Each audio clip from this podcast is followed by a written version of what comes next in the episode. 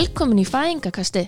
Við viljum byrja á að minna hlustendur á að kóðin fæðing gefur 20% afslátt af öllum vörum hjá litla gleðegjafanum og svo er dundur þáttur framöndan. Anna Eðvaldsdóttir, betur það sem Anna Ljósa, er komin til okkar í dag og hún hefur áratuga reynslu sem ljósmáður og gaf út bókina fyrstu mánuðir, svo hún líka bara svo indisleg. Vertu velkomin Anna.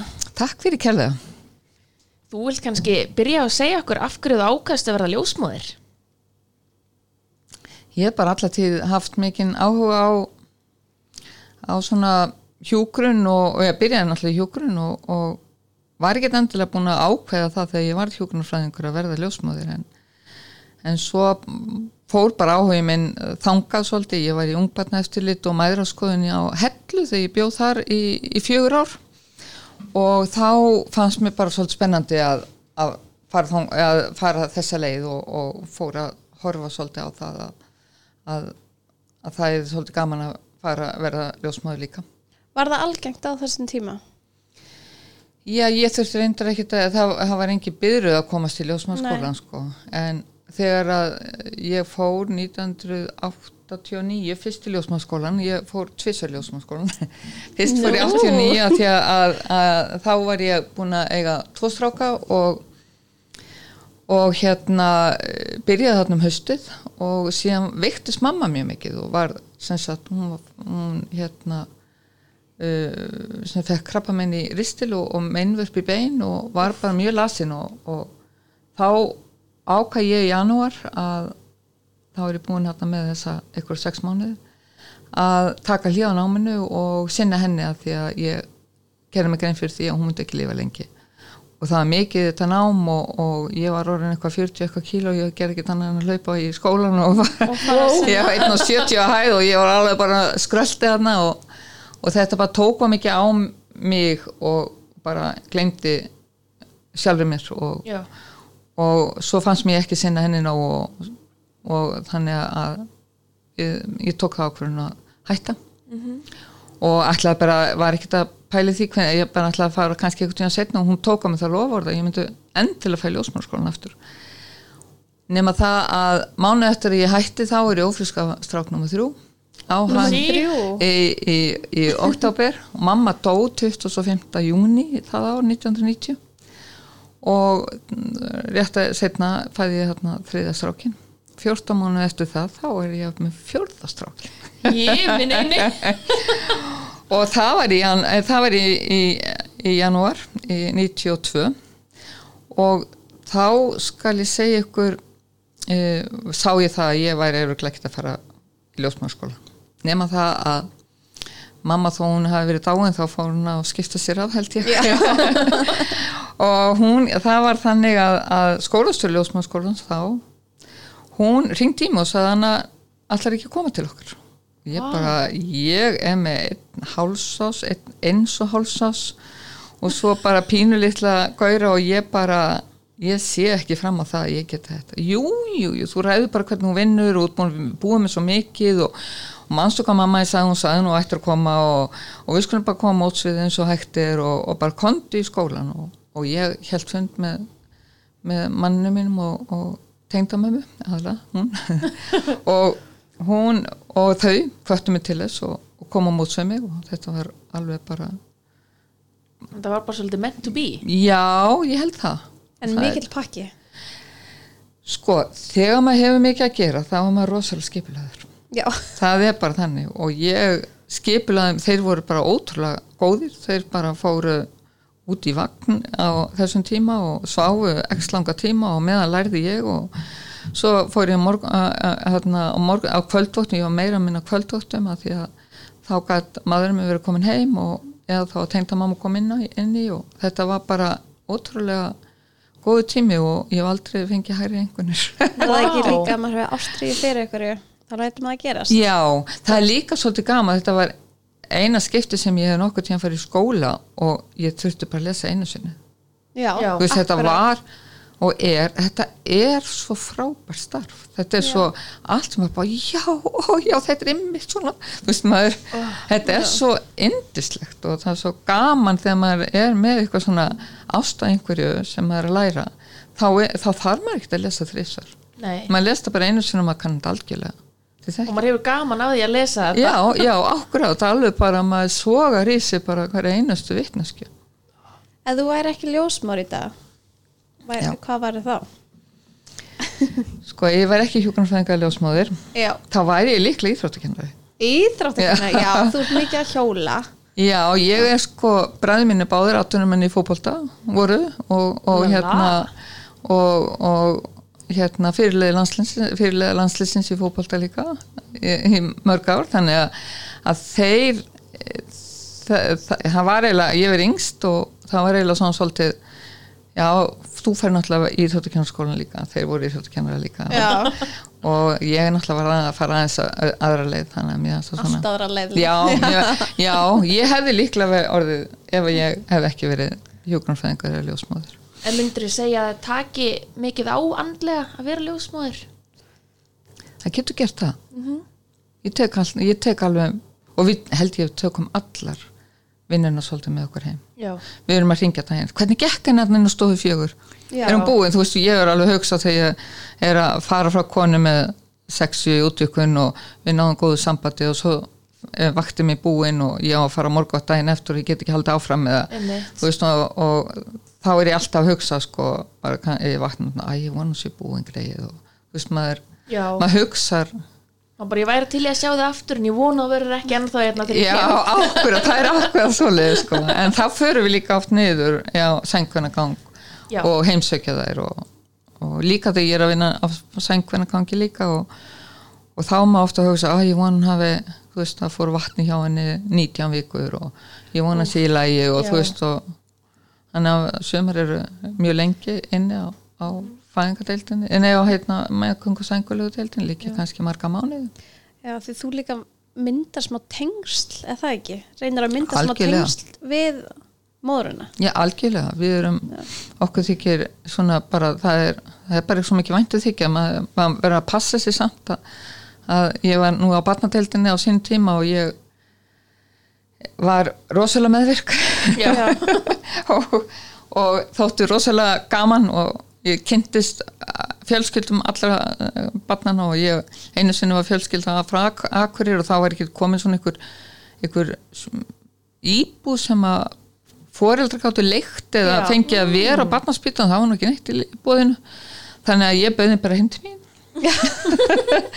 Og, og mér aðstu bara allt í leið já, allir mjög Já, æ, þú mátt bara vera henni um helginu, ég er bara, þú veist, að vinna mikið og þannig að, já, bara svo bara fyrir við saman á spítar og svona. Þannig að ég var eiginlega að vera með svona stutt tíma hérna dild, þannig að að Já. maður maður væri ekki ég, ég var svona bráðahjúka að lókum sko, þú veist að, að það bara kom fólkið og það rettaðist eða maður eða nóðaði eða komið mig í gang og, og svo skila bara á deild og ég þurfti ekki endilega að bjóða aðstandum skistingu Þannig að skóð í ljósmöruna því að það er eiginlega bara inn og út. Veist, Já, það er það en, en samt ekki, ekki. Nei, ég er alveg ég er alveg rosalega ja, þú veist, ég bara, ég fer ekki strákan sko grenn, ég vil ekki vera í fjárða kaup, alveg bara, ég bara þú kemur með mér, nei, þetta er alltaf klukkutum og tala við alla. Þú veist þeir eru náttúrulega vanið því ég bara fór ekki ég fer, eða þú veist, eins og bara í sund og svona, ég fer í fullondin klefa, eða sem sagt klefan sem að er svona gullklefin sko, sem að börnir ekki að því að annars færi ég ekkit út, ég væri Nei, bara þú þarna- væri bara ég væri bara þarna og tala og segja þeim frá hvernig það ætti að gera þetta og eitthvað svona. Þannig að núna segja ég öllum að kaupa bókina og, Já. og, og lesti það þetta bara í bókina. Ég hætt- ég hætti að svara spurningum. bókina. Alltaf, þú gerðir þessa mögnu bók. Mm. Og viltu kannski að segja frá bókinni? Já, þessi bók uh, er búin að vera vinslu í 20 ár Já, og rúmlega það. Það er eiginlega frá því að, heimaþjónustan byrjaði 1994 þá er ég ákvæmt útskrist ára mitt í ljósmaðurfræðinu og ég byrja beint, þegar beint í heimaþjónustur og þykir það alveg óbúslega gaman, mér er svo gaman þegar allir gera allt sem ég segi þannig að, hérna, að ég svona uh, þroskaðist í þessu starfi og þykir alveg óbúslega gaman að, að vinna þetta. Og það voru náttúrulega þúsund spurningar og ég gerði það bara ganni mínu til þess að muna eftir sko, gerði það bara í stafrósröð bara ef að konar spurði með einhverju þá skrifaði ég niður, hún spurði þessu og ég svaraði þessu og þetta var alveg frábært, alveg bara mm, gekk mjög vel og eitthvað svona. Og það, spurningarna voru bara orðna mörg hundru upp í þúsundur þetta eru örgla annað þúsund og, og hérna sem ég hefði svarað og þá það var, ég, mér langa alltaf, ég var búin að segja mjög ofta, mér langa bara ég væri til í að hafa bók að, að einhver, að fólk gæti bara reynilega flett upp í mér þannig, að því að ég var rosalega mikið síman, ég var endalust bara nei, heyrðu, þú passa að bera þetta krema á og, og gera þetta og svona og ég var endalust, eða mjög mikið að svara spurningu, þannig að að ég uh, hitti svo eina sem var með mér hlaupahóp og hún er, var hérna rítvöndur og, og hafði skrifað ykkur bækur og ég var að viðræta við hana. Og hún bara ennleis mjög vel á. Við hittumst tvísvar en svo fór hún til annar starfa og gati ekki tekið þetta. Og þá var ég búin að hitta hana Silvíu. Já. eða búin að vera með hann í heimaþjónustu. Og þá segir hún eitthvað svona Anna, þú veist alltaf allt um alla spurningar, akkur ertu ekki búin að gera bók? Ég segi, ég er eiginlega búin að gera bók en hún er bara, ég ætti að rýta endur takan og þá var ég ennþá að tala við sett og viss að ég hún var eitthvað svona eins að, að þurft að fara út á land og, eða í mikla, mikla vinnu þannig að ég segi ég tala við þig ef að, ef að hún sagt, hætti við Já. og þá talaði, svo talaði ég við hana bara ekkert lengur setna og, og hún stökka á þetta bara með Bara til í þetta. já, alveg til í þetta, rosalega gott samstarf og, og svaka skipilög og deglega við þetta já, það er mjög þægilegt Og úr verður bara svona einhvers konar biblía fyrir Já. mæður. það var nefnilega svo fallið þessi uh, sko, mér langaði alltaf að hafa bókinn þannig að hún erði ekki með ljósmyndum því að ljósmyndi eldast svo það er bara sjáðu glerun og þessari og þú veist það Já, svo, já. já, maður sér alveg ný öðru sér klipping, já, allt svoleiðis það er svo mikið, mikið munur Já. þannig að ég var alltaf að horfa á sko, það væri gaman hafa hann að teikna mm sko, ég gerði mikið grein fyrir að væri til einhver teikna sem gæti teikna svona óbúslega vel eins og, eins og hérna raun var vitni. Og svo var það þannig að, að hérna ég var með um, það var kona sem misti, eða ekki misti heldur batnið uppgötaðist með mikinn hjarta kalla 20 og eina viku gengin. Og það var ekki lífanlegur hjartagallin, það var ekki hægt að gera neitt. Þannig að hún gætt lifað í móðu hverði hún gætt ekki lifað eftir hún myndi fæðast. Þannig að það var mjög sorglegt og ég var að vinna á meðgangusængulegu deildinu þá og er beðin fyrir þessa konu. Og hún fæðir þessa indislega fallegu litlu stelpu. Hún er hún svo falleg og bara tölfur stór og hérna og ég, mér, ég sæ, kom eitthvað upp og ég var svona sorgmætt í hjertan og segi bara, ó, minnst þetta svo hræðilega sorglega, minnst svo hræ- sorglegt að fólk sem missir börnu sín eða missir svona, þú veist, það vissi allir hún var ófrísk og, og þá er það bara þannig hún er að missa eila barn eða þú Já. veist þannig og ég segi hverjum það er ekki eins og þetta minningu upp á vegg mikið vildi ég að ég hefði einhvern sem að getur teiknað bara taka góða myndafinni og blíjansteiknana, þá gæti hún verið minning upp á vegg með sískunum sínum sko, sem, sem barni sem að lifði ekki með okkur. Og þá er einn stöttatna og segir við mig, einn ljósmáða nemi sem segir mig, annarviska vinkon mín er ótrúlega góð teiknari og ég segi bara, nú, hva, hver er það hún? Og hún segir mér það og, og ég sendi henni skilabóð og skilabóðin voru bara mjög skýr og hún vildi hérna endilega prófa, ég sagði þetta er fóstur og þetta getur við svolítið ógnalegt og eða þú veist að Já. og hún teiknaði svo ofaslega fallega þarna um, mynd sem er í bókinni Já.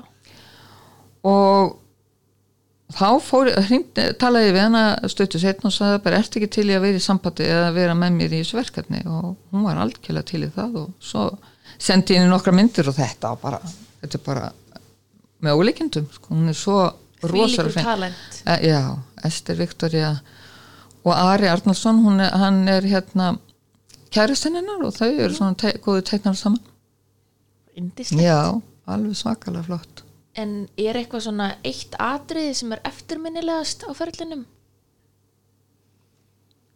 Já, já, það er alveg bara eitt atrið. það er náttúrulega, náttúrulega mjög eftirminnilega öll, öll barnamenn mín sem ég hef fengið að taka múti. Já, þú fækst að taka Já, mútið einn. já, þannig að það er nú ekkert gefið að tengda þetta Vá. wow. leifið það, þannig að ég er mjög heppin þar. Það gæti orðið vandræðalegt matarbóð eftir á búin að vera gluggi í öllu Nei, það er ekkert, það er bara eiginlega ekki svo leist. ekki, Nei, það er bara, þetta er bara einhvern veginn, þetta er bara ekki þannig, sko. Það er Bara bara, einhvern veginn með að bara, þetta er svo mikið, þetta er svo mikið nánd, þetta er svo, bara svo, bara svo falleg stund. Og það er ekkert, einmitt þetta sko, þetta er ekkert eitthvað kukla í ykkur, eða þú veist, það er, það er aldrei, eða þú veist, það er ekki svolítið, þetta er bara einhvern veginn, þetta er bara indisleg stund sem að, sem að maður fær að upplifa með, með sínu nánust og það er ekkert gefið sko, ég er bara rosalega ána með það og hvað ekki tekið á móti mörgum barnabönnum Ég á sex barnabörn, eitt fættist í Danmörku, ég tók ekki á móti honum, en var svona á hliðalínni og ég tók á móti öllum minnum. Já, Hvernig var að taka mútið fyrsta barnabarnu? það var nú alveg bara til að gráta yfir. ég græt nú alltaf þegar, eða sko ég er miklu værið þegar papparnir gráta, sko, þá fyrir ég alltaf að gráta, bara þó ég Já, þekki það er ekki. hægt að er stjórna sér skrítið þá. að maður bara, þú veist, ef að pappin er meiri, ég bara, það er bara svona. En jú, við sko, ég tárast alveg, ég er, þú veist, ég er svo, ég er svo pegin og ég er svo, ég er svo ána og þakklátt að, að það séu heilbrigð og, og þetta hafi gengið vel. Og maður við erum nú alltaf þannig að þegar við erum að taka móti mjög nánum ættingum hjá, þá er einhver sem er ein sem er bak við mann, þú veist sem að maður þarf bara að kalla. Ef að þú veist maður ok, það er eitthvað vesen hérna og já, hún hjálpa, er til að hjálpa með þannig að maður sé aldrei að taka einhverja ein einhverja ákvörðun þú veist sem að, að því að maður þú veist, þekki við komið og mikið eitthvað einmitt svona sem að sé alveg já, skýr. já, það er, það er svona að borga sig, eða við Já. höfum alltaf gert það þannig. En eftirminnlegasta fæðingin er samt ekki skildmenni það er nákvæmni þá var ég það var í júni fyrir held ég tíu árum þá var ég bara með matabóð heimi á mér og ég var búin að vera með mæðraskoðun og ég var með þannig mæðraskoðun, ég var með mæðraskoðun heimi á mér, ég var með aðstöðu þar og, og var í þessu MFS dæmi sem að meðganga fæðing sængulega og ég tók konu sem byggju í hafna fyrir það kom bara heim til mín í mæðraskoðun. Og þessi sem að bjóp ská á móti mér, hún kom alltaf með, í, í, til mín í mæðraskoðun og svo á, hún átti þrjá drengi fyrir. Og svo uh, segir hún eitthvað ringjur hún í mig og þá hún kom 40 vikur og það er þetta 15. kvöld, nei, förstaskvöld og og hún segir við mig, æ, Anna, veist hvað, það er eitthvað mörningur í mér og ég, svona, veit ég hvað ég að gera, hvað ég að fara neyrstur eða er til að skoða mig og ég segi, já, já, ég var ákvæmt nýbúin að, við varum nýbúin að borða og ég segi, ég ætla aðeins að skreppa yfir og tek töskuna með mér og, og, hún, og hún segir svona, já, ertu ekki til að skoða mig, ég segi, jú, ég skal skoða þig og svo skoða ég og ég segi, heyrðu unna mín, þú ert nú komin sjö útvíkun og þú ætlar ekki bara Vá. að, að fæða eitthvað staðar á, á hérna, bensistu á leðina, þá myndi nú fara að dríða minni eftir, segi ég eitthvað svona. Og svo er ég í rauðum kjól og, og rauðum háhælum skó Algjör skvísa algjörpæja og hérna og ég snýmið svona frá henni og teka mér hanskan og hún fyrir að skelli hlæja og kollurinn fæðist. Vatni fyrir og kollurinn fæðist. Takk fyrir. Ha, Bara heima? Já, og ég segi horfið þarna og maðurinn er bara, hann er bara og ég horfið hann og segi já, nú er það bara rúmið að stíin, hvort viltu? Og, og hún fyrir að skæða ég er bara, ég er bara að fæðast. Ég segi já, já, það er bara fæðast, nú skaldu bara býða eins og ekki rembast fyrir en ég ætla að setja með hanskaftur og svo setja ég á með hanskana og kollurinn er þarna og og ég svona lagfæri með því ég er náttúrulega bara kjól uh, við nýja og lagfæri svolítið kjólinn og sest á, á rúmbygginn og segi já, einu minn og í næstu frí þá bara rembistu og, og hún rendist og hún fekk stelpu, hún vissi ekki að það var stelpa. Og þar fættu svo meira. Og hún hérna bara og svo strákarni hefði farið af því ég var á leiðinni hitti það á leiði þegar ég kom inn þá hitti ég þá og þau voru að fara til mm, ömmu sinni í íspildur á með ég kom að skoða. Já, Og svo komu þeir þeir heim og sýstir mætt. Nei, svo klukkutíma setna kom ég að mamma ert að vera á spítalan komdu aðeins, segir hún og þeir komu og þeir bara er barni fætt? Og leið nánast yfir ömmuna þarna í, í dýrun og guði minn góði var barni Gott að eiga góðan nágranna það sko, það var einu sko það var ljósmáður í hverju hver, uh, hverju göttum og líka bara að þetta hafi gerst svona hratt. Já, En mér langaði smá að spyrja þig Svona fyrstu tólf vikunar já, Þær eru rosa erfiðar hjá mörgum konum. Já, Og bara eins og andlega líðan er rosa erfið stundum af því að það er bara óvissan. Já, og allar hormónar. Hormonir, blettablæðingar. Já. Af hverju, þú veist eins og blettablæðingar Af hverju koma þær? Er það bara eitthvað svona að setjast? Það getur verið bara svona sagt að eggfestan að, að eggi sé að festa sig og komi blettablæðing það getur komið bara frá leghálsunum eftir samfærir það er, við spyrjum alltaf að því ef að kona segir það kemur eitthvað blóður það varst að hafa samfærir, það er ekkert óalgengt að, að það gerist og það er bara ef að blóð er ekki eldraut þá höfum við minni áhyggjur. Já, já, þetta er ekki frekar að þetta sé gaman ef það, já, ef það er svona brúnleitt þá, sko, og svo er líka bara blæðing og blæðing ekki sama, sko, ykkur finnst kannski alveg rosa mikið blæðing og sérstaklega frembýr bara alveg bara alltaf blæðið, blæðið og þetta er bara sko fjölbrinn, þetta er ekki og blæðið ekki, ekki að vera á túr þú veist, en hér er rosalega mikið sko maður segir í, er þetta matskeið, er þetta teskeið, er þetta bolli þú veist, Einmitt. ef þetta er bolli þá er þetta náttúrulega svolítið Blæðing. mikil blæðing og þá er, þá er svona meiri hætt á, fósturláti en, en brún blæðing er oftast eða oftar bara áhyggjulít við erum áhyggjulösi við því eða lítil.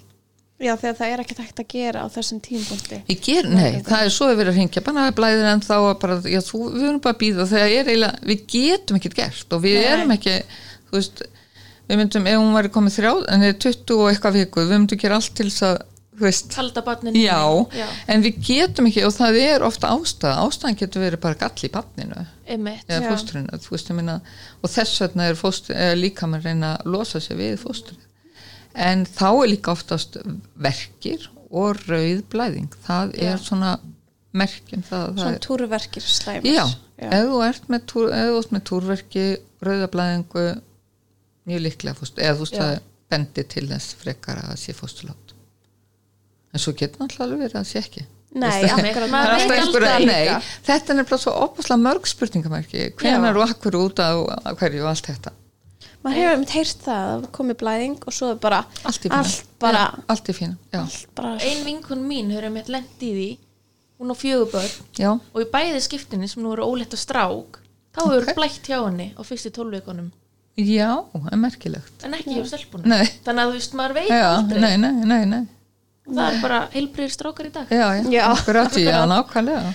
En svo fer maður líka í hana tólveknasonar og hvað er svona helst vera að skoða í tólveknasonar? Því að stundum eru þau bara fyrir mér þegar þau eru með þetta sónatæki og bara sjáðu þetta, ég mhm, sé bara já, hvað já. ég er að horfa á sko. Já, það er nú bara að vera að skoða hvort að legvastmagnin sé eðlilegt, hvort að fóstur sé uh, sömu, eða þú veist, flestar eru búin að fara í sjövetna sónar, þú veist, einhvers staðar sem að mér finnst reyndar algjör óþarf sónar, Já, þetta er bara já. forvitni sónar sem kostar að lókislega mikið, þetta er bara að fara á, í spa frekar, en hérna þetta er bara rándýrst og Já. eða, þú Já. veist, mér finnst þetta mér finnst þetta ómikið svona og það er jafnvel að fara aftur að því að sést ekki neitt Einmitt. en það er verið að skoða hvernig lítur barn út eru, eru útlimir eðlilegir, höfulagi eðlilegt er nakkatyktin eðlileg og, og þeirra, þetta er svona öll börn, öll fóstur eru jafnstór 12-13 vika, eða þú veist 12 vikur og tveita að eiga öll fóstur að vera jafnstór, en það er fara að, að ef þú fyrir setna þá er fara að muna kannski einhverju dögum þess að færi dagsetninguna þarna Já. í tólvetna því að það eru dagsetningin er gerð í tólvetna svona. Hvenær er væntalega fæðingardagur? En ég vil bara að það breyta þessu yfir í halva mánuð frá þessum degi í þennan Já. yfir, eða, þú veist, Já. Ó já, ég hefði þurft á því að halda Já. 2014 já, þetta er svolítið erfitt sko, Já. að vera með þetta svona svona, eða En svona svo er það líka misjamt hvernig maður reiknaður eins og ég man ég fekk dagsetningu í úrleikna sonar já, og svo fór ég held ég á ljósmóður.is já, og reiknaði út frá síðustu blæðingum þá fikk ég aðra dagsetningu Já, það er líka bara, voru þína blæðingar alltaf 28 vik daga á milli upp á dag. Já. nánast, mjög heppin, mjög heppin Já, Já. það er, 2014. þá ættur að hafa verið bara nokkuð, þú veist, sumar eru með bara... tíðarhing 40 dagar, já, en, en, en hérna 14 dögum fyrir blæðingar, þá er eklosið. já. Þannig að þá er kannski langur fyrir tími skilur Ah, Þannig að, að þú ert kannski 30 daga þannig að þú fyrir eklos já, og svo 14 dögum setna ættur að byrja blæðingum.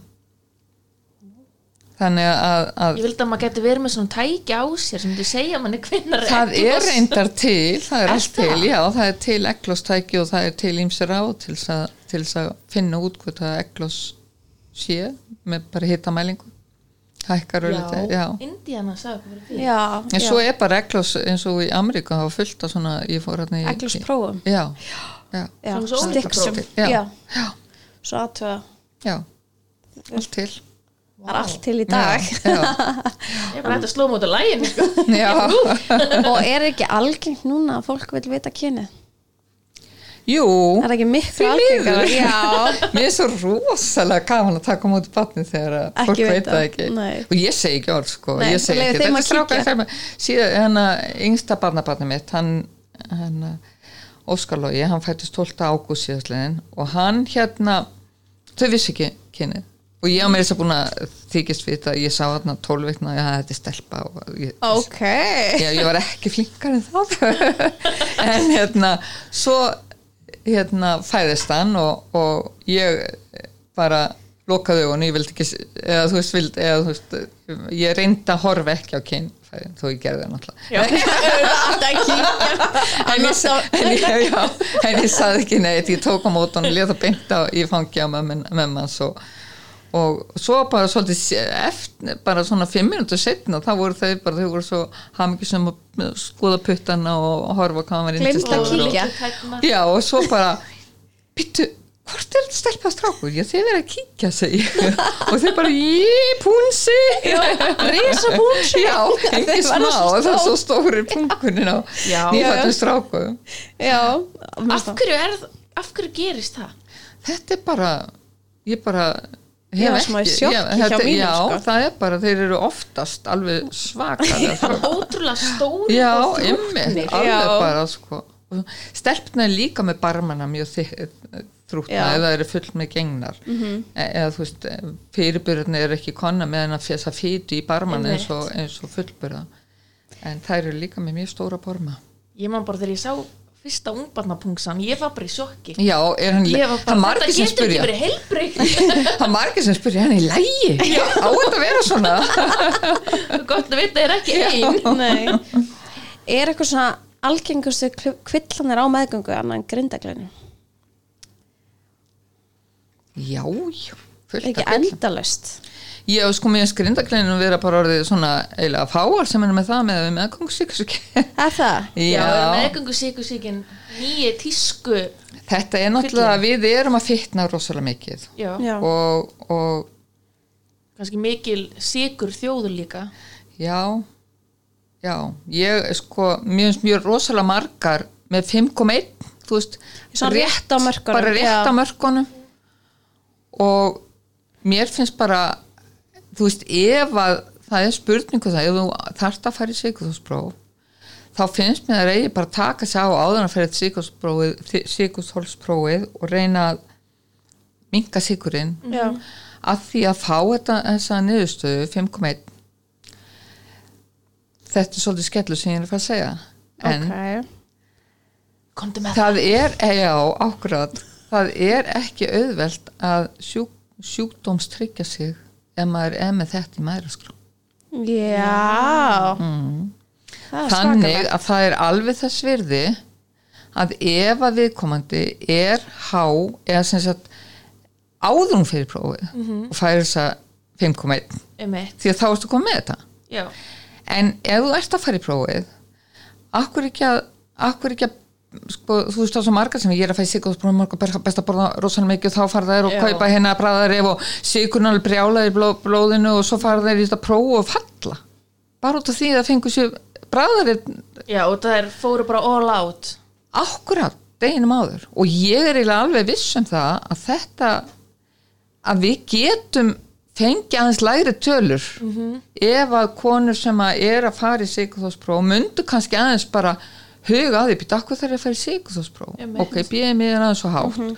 Já þá ætti ég kannski aðeins að fara að passa mig á þessu því að það að fá ekki sjúkdómatryggingu Það er náttúrulega bara Já, því að er þú ert með 5,1 á maðurskrá já. maðuraskrá. Já, Það er þú, svakalegt. það, já, það, þú ert að, að ef þú ætlar að fara að tryggja þig þá þarf að vera, kom, vera með leggjald á borðið Já. og þeir fá að kíkja í sjúkarskrá ég þurfti að fara í þetta bara því að með 20 marka bat sko en varstu með svona, já, ok já, já, vá. já, þetta er svo stóra strák já, Þetta litla pís já, Já. nákvæmlega og gastu það segja nú bara Já. Sitti út snillingur já, snilli, mjög Já. ánægð með það sko en ég bara var alveg látt undir mörkunum en Já, það er bara því að já. borða rosalega holt fyrir. Ég hugsaði að kannski ef ég myndi borða óholt já, það hefði kannski bara fallið ég, ég, já, ég eiginlega efast ekki um það. Var, var þá setnabarnið minna? nei, þetta er setna var þetta setnabarnið? Já, já, já, stóri strákurum minn. Já, já, akkurat. Ég held að það sem að hafa eigi rosa stórt barn fyrir að þeir geta eins verið með ölliti minna barn eða sneiði hjá síkri í næstu meðgum já, það er bara þannig, við veitum það að börn síkusjúkra mæðra, þeir eru miklu það starri heldur en það, það þannig að það er ég bara miklu síkur í því blóð eða þú veist, það er bara Já, Er það sigurinn sem hefur áhrif á það á stærðina? Já, það er það, það ég held það. Já. ég, ég hérna, mér finnst ég er búin að byggja á nokkrar um að er þið til í að, að prófa næsta meðganga það var 22 merkur síðast Mhm. ef hún myndir bara sneiði hjá sigur verið í hotlustu, fara bara smá veggi eða þú veist ekki, ekki mjög, ekki mjög mikið eh, sem sagt eh, sætendu og, og flugur og hotlustu Mhm. og það hefur alveg ég veit um þau dæmi sem ég hef bara fylgst með hafa verið 23 mörgum minni já. Já, ok, Já. það er magna og Já, ég þeir hef eru líka fengið á spurningum konur í yfirþyngd já, þú er eitthvað svona hvað áhrif hefur það á meðgönguna að vera yfirþyngd og hefur eitthvað fordóma og er eitthvað líka áhætta?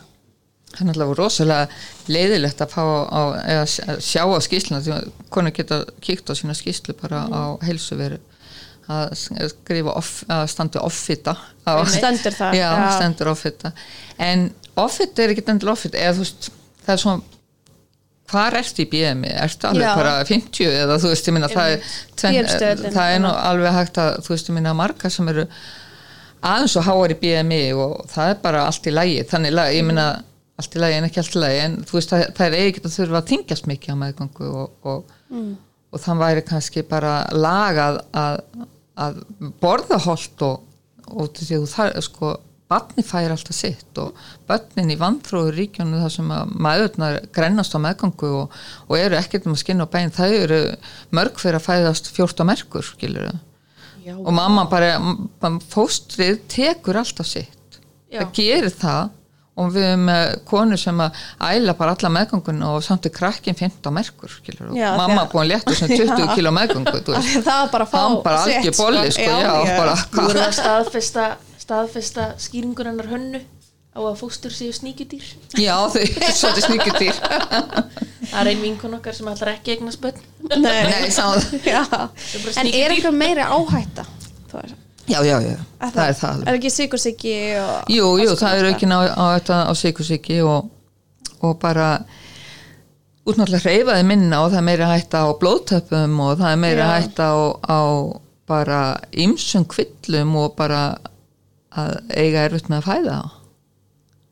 Já, og það er líka í erfitt að fara í keisari maður í mikill offitu. Það er bara meira hætta á bara erfileikum við keisaran Já, eða ef þú þarf skyndi eða þú sem er það er, það er ekki, ég er ekki að segja að það sé alltaf en það er meiri hægt á því, það eru mm. aukna líku þannig að það er bara um að gera að konur ættu að, að taka sér svolítið tak þegar það er ófriska því því að það er ef þú ert að þingja sem 40 kíló meðgangu það er marga sem segja ég þingst nú um 40 kíló meðgangu ég er bara búin að ná samir það er bara ein og eins sem er þannig.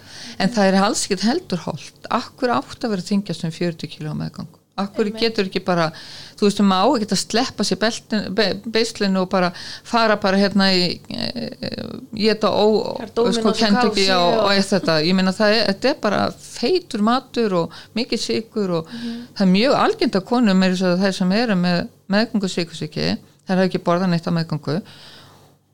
Og ég ætla að segja ykkur, það er bara svakalega algjönd að sé komin þryggja kíló salgetspóki hafa búið að fara út í nami búð Já. á eftir að batnið er fætt Já. og það er bara dælt í sig bara verðin bara farið bara inn í eldús og fáðu ykkur banana og fáðu ykkur eitthvað svona holt því að þessi sigur, hann kalla bara á meiri, meiri löngun sko. Mér fannst líka þessi sigurlengur, hún hættir ekkit eftir að barnið er fætt. Nei, við sko maður er, maður þarf orku en það er rosalega mikið, vegt að fá ekki svo orku í gegnum salgæti. Þú getur fengið orkun í gegnum banana eða þú veist og, og, og, og svona gott uh, orkukeks eða orkudrykk eða eitthvað sem að er sanns að eitthvað eðlilegt heldur en að vera að geta salgæti. En hvaða áhrif hefur allir þessu sigur á brjóstamjölkina? Þess að það eru stelpur og nýbúnar að eiga og fara svo bara að hakka í sig. Það á ekkert að hafa áhrif sko. Þannig lagað en, en hérna þú veist það er náttúrulega lítið lítið mjólk Já. til að byrja með Já. og þetta er svona rétt á brotturinn og það verðist en það, krakkar er samt viðkamir fyrir hvað mamman borðar það Já. er sumi með ekki drekka mjólk og, og, og aðra með ekki smakka súkulaði og ég, fekk, ég gæti það ekki sjálf besta sem ég mín gerði gæti ekki laug. Já, laukur, já, já, laukur og, og þú veist, ímislegt sem að er Fyrir maðan. já, Já. á krökkum En eins og þurfa konur sem eru óléttar, þær þurfa ekkert að breyta hvernig það reyfa sig. Sko það er náttúrulega Árum- kannski ekki stökk og hástökk nei, en, svo mikið stundum að fordóm bara, ertu ennþá í crossfit? Ertu ennþá? Nei, ég er ekki á, á því máli Nei. að sko manneska sem er vön að hreyfa sig hún á að hreyfa sig eftir það sem hún getur. Já. og verið í skinnsama kantinu náttúrulega, Já. þú ert ekki endilega að stökk, þú ert ekki að taka hérna börbís, sko, þú veist Nei, mánuði gengi, eða þú veist ekki nema þá bara Að aðeins léttari heldur hún Já. hefur Heldur og að kassahoppið eitthvað svona, þú ert ekki endilega að fara að fara hæstu kaff, hana kassahoppina því að þú getur ekki því og þá ertu búin að detta en, en þá myndir þú taka bara lægra en, en ég, myndi kannski ekki mæla með ykkur hoppi. Nei, það er eiginlega það sem maður myndi síst mæla með. Já, en maður má bara reyfa sig, bara nákvæmlega sem ég gerði. Já. og ef ég tek sömu þingdir og ég geta það, þá tek ég bara sömu þingdir.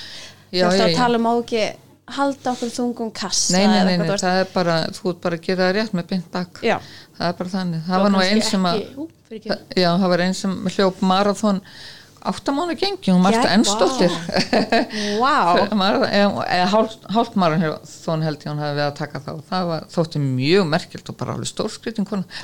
En ámar mikið að vera að reyfa sig að maður með grindaglinn Þá er ég að tala um þessu rækt já, ég held reyndar að, eða sko mér finnst svona grindaklinin það er oft, tilhýru oft þeim sem eru kannski ekki mikið að reyfa sig. Já, af því að liðböndin liðböndin eru kannski eitthvað, eitthvað svona en það er Stíf. líka bara hormónin hafa það gliðnar allt, hormónin hafa þau áhrif bara strax og suma byrja bara að fá grindaklinu sex vikur og, og það er bara, þetta er svolítið óskiljanlegt.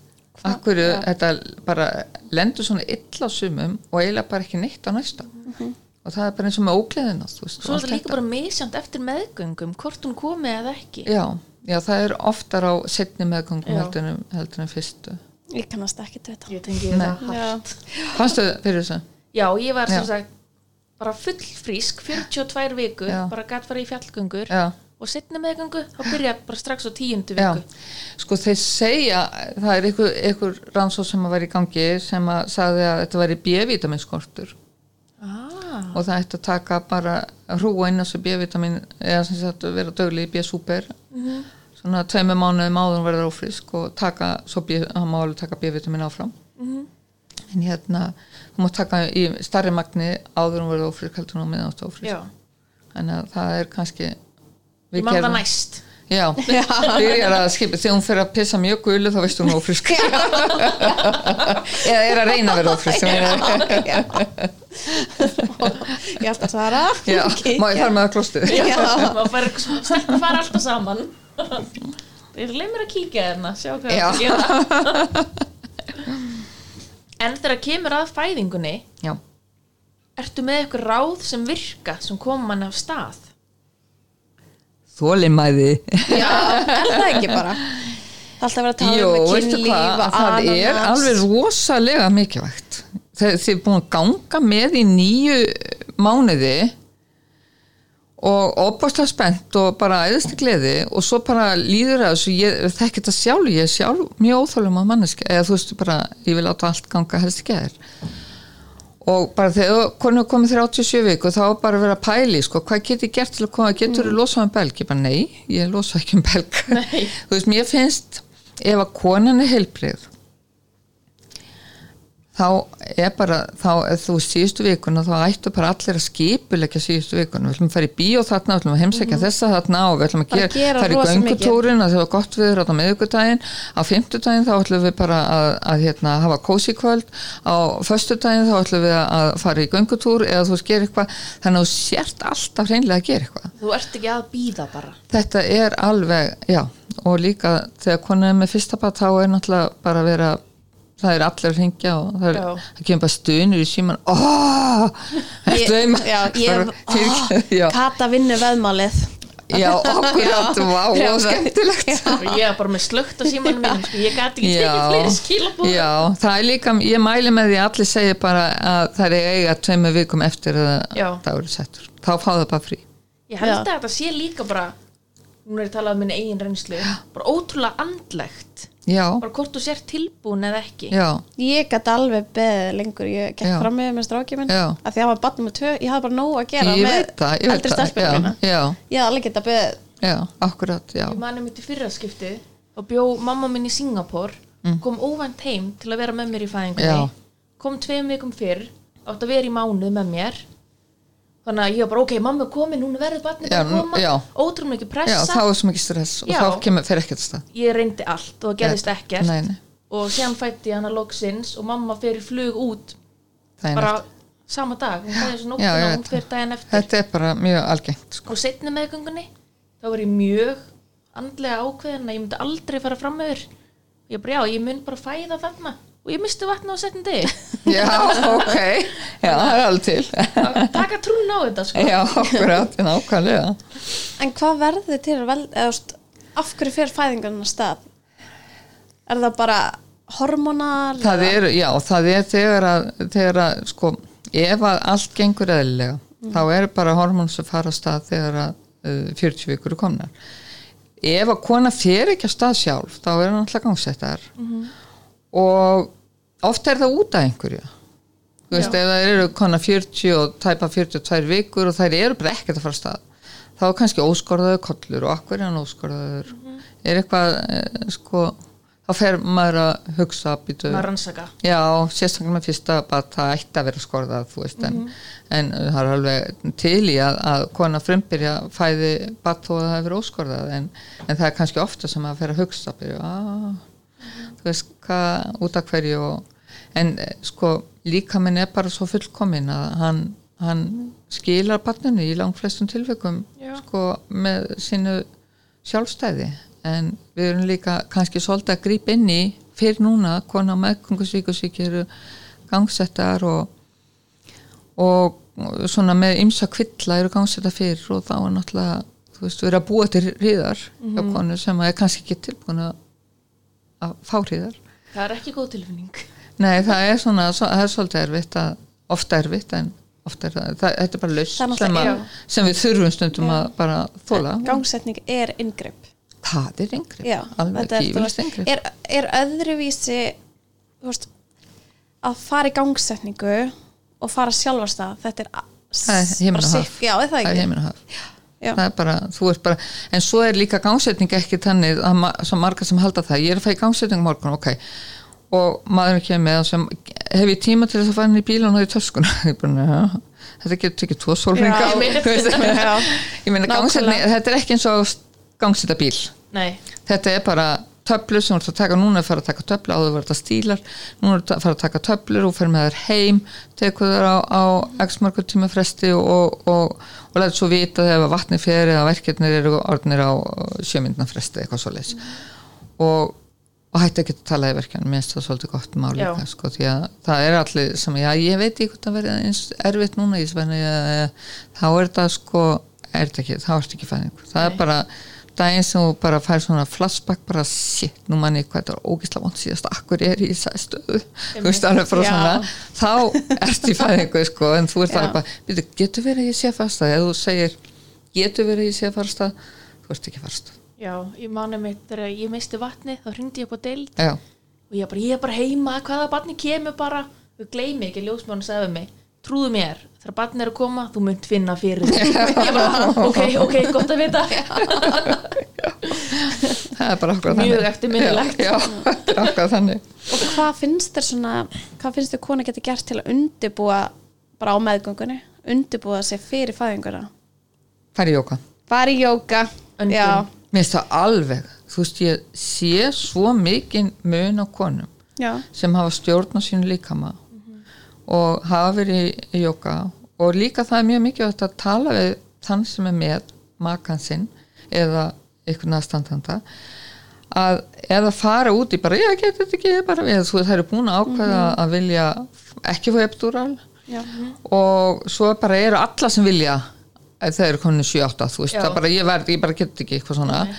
Að þá er ég með þessi þú veist, aðstandandi mannstu hvað hún bara tala um, eigum við að reyna manstu hvað, ertu til í að reyna að fara í baði núna eða gera þetta eitthvað svona, ef hún segir nei, þá bara er það nei og þá bara fær hún hana. En, en þær sem að suma vilja eða geta þá bara allt í einu fatta, já, ákvært við vorum að ræða þetta. Já, að ég myndi geta farið í gegnum þetta með því að þú myndi bend, minna mig á að við ætlaðum að gera þetta ef, að, ef ég myndi segja þetta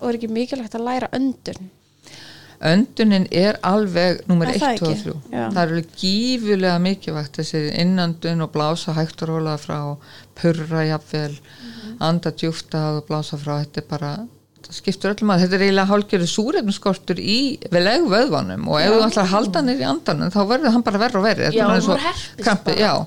en ef þú nærða taka djúft andan og leifa súrefn að koma að leg vöðvanum þá verður hann ekki svona stiff og líka verður ekki meira progress Jú, það verður Já. bara auðveldari útvíkunni. já, Það er Af því er veginn virka betur þegar þú ert ekki að hindra það sjálfur já, Já. ég man þegar ég var hún bara, guðnar að hætta kreppa svona og ég var alltaf að Já, kreppa já. mig kreppa, þú veist bara Já, allt akkurat.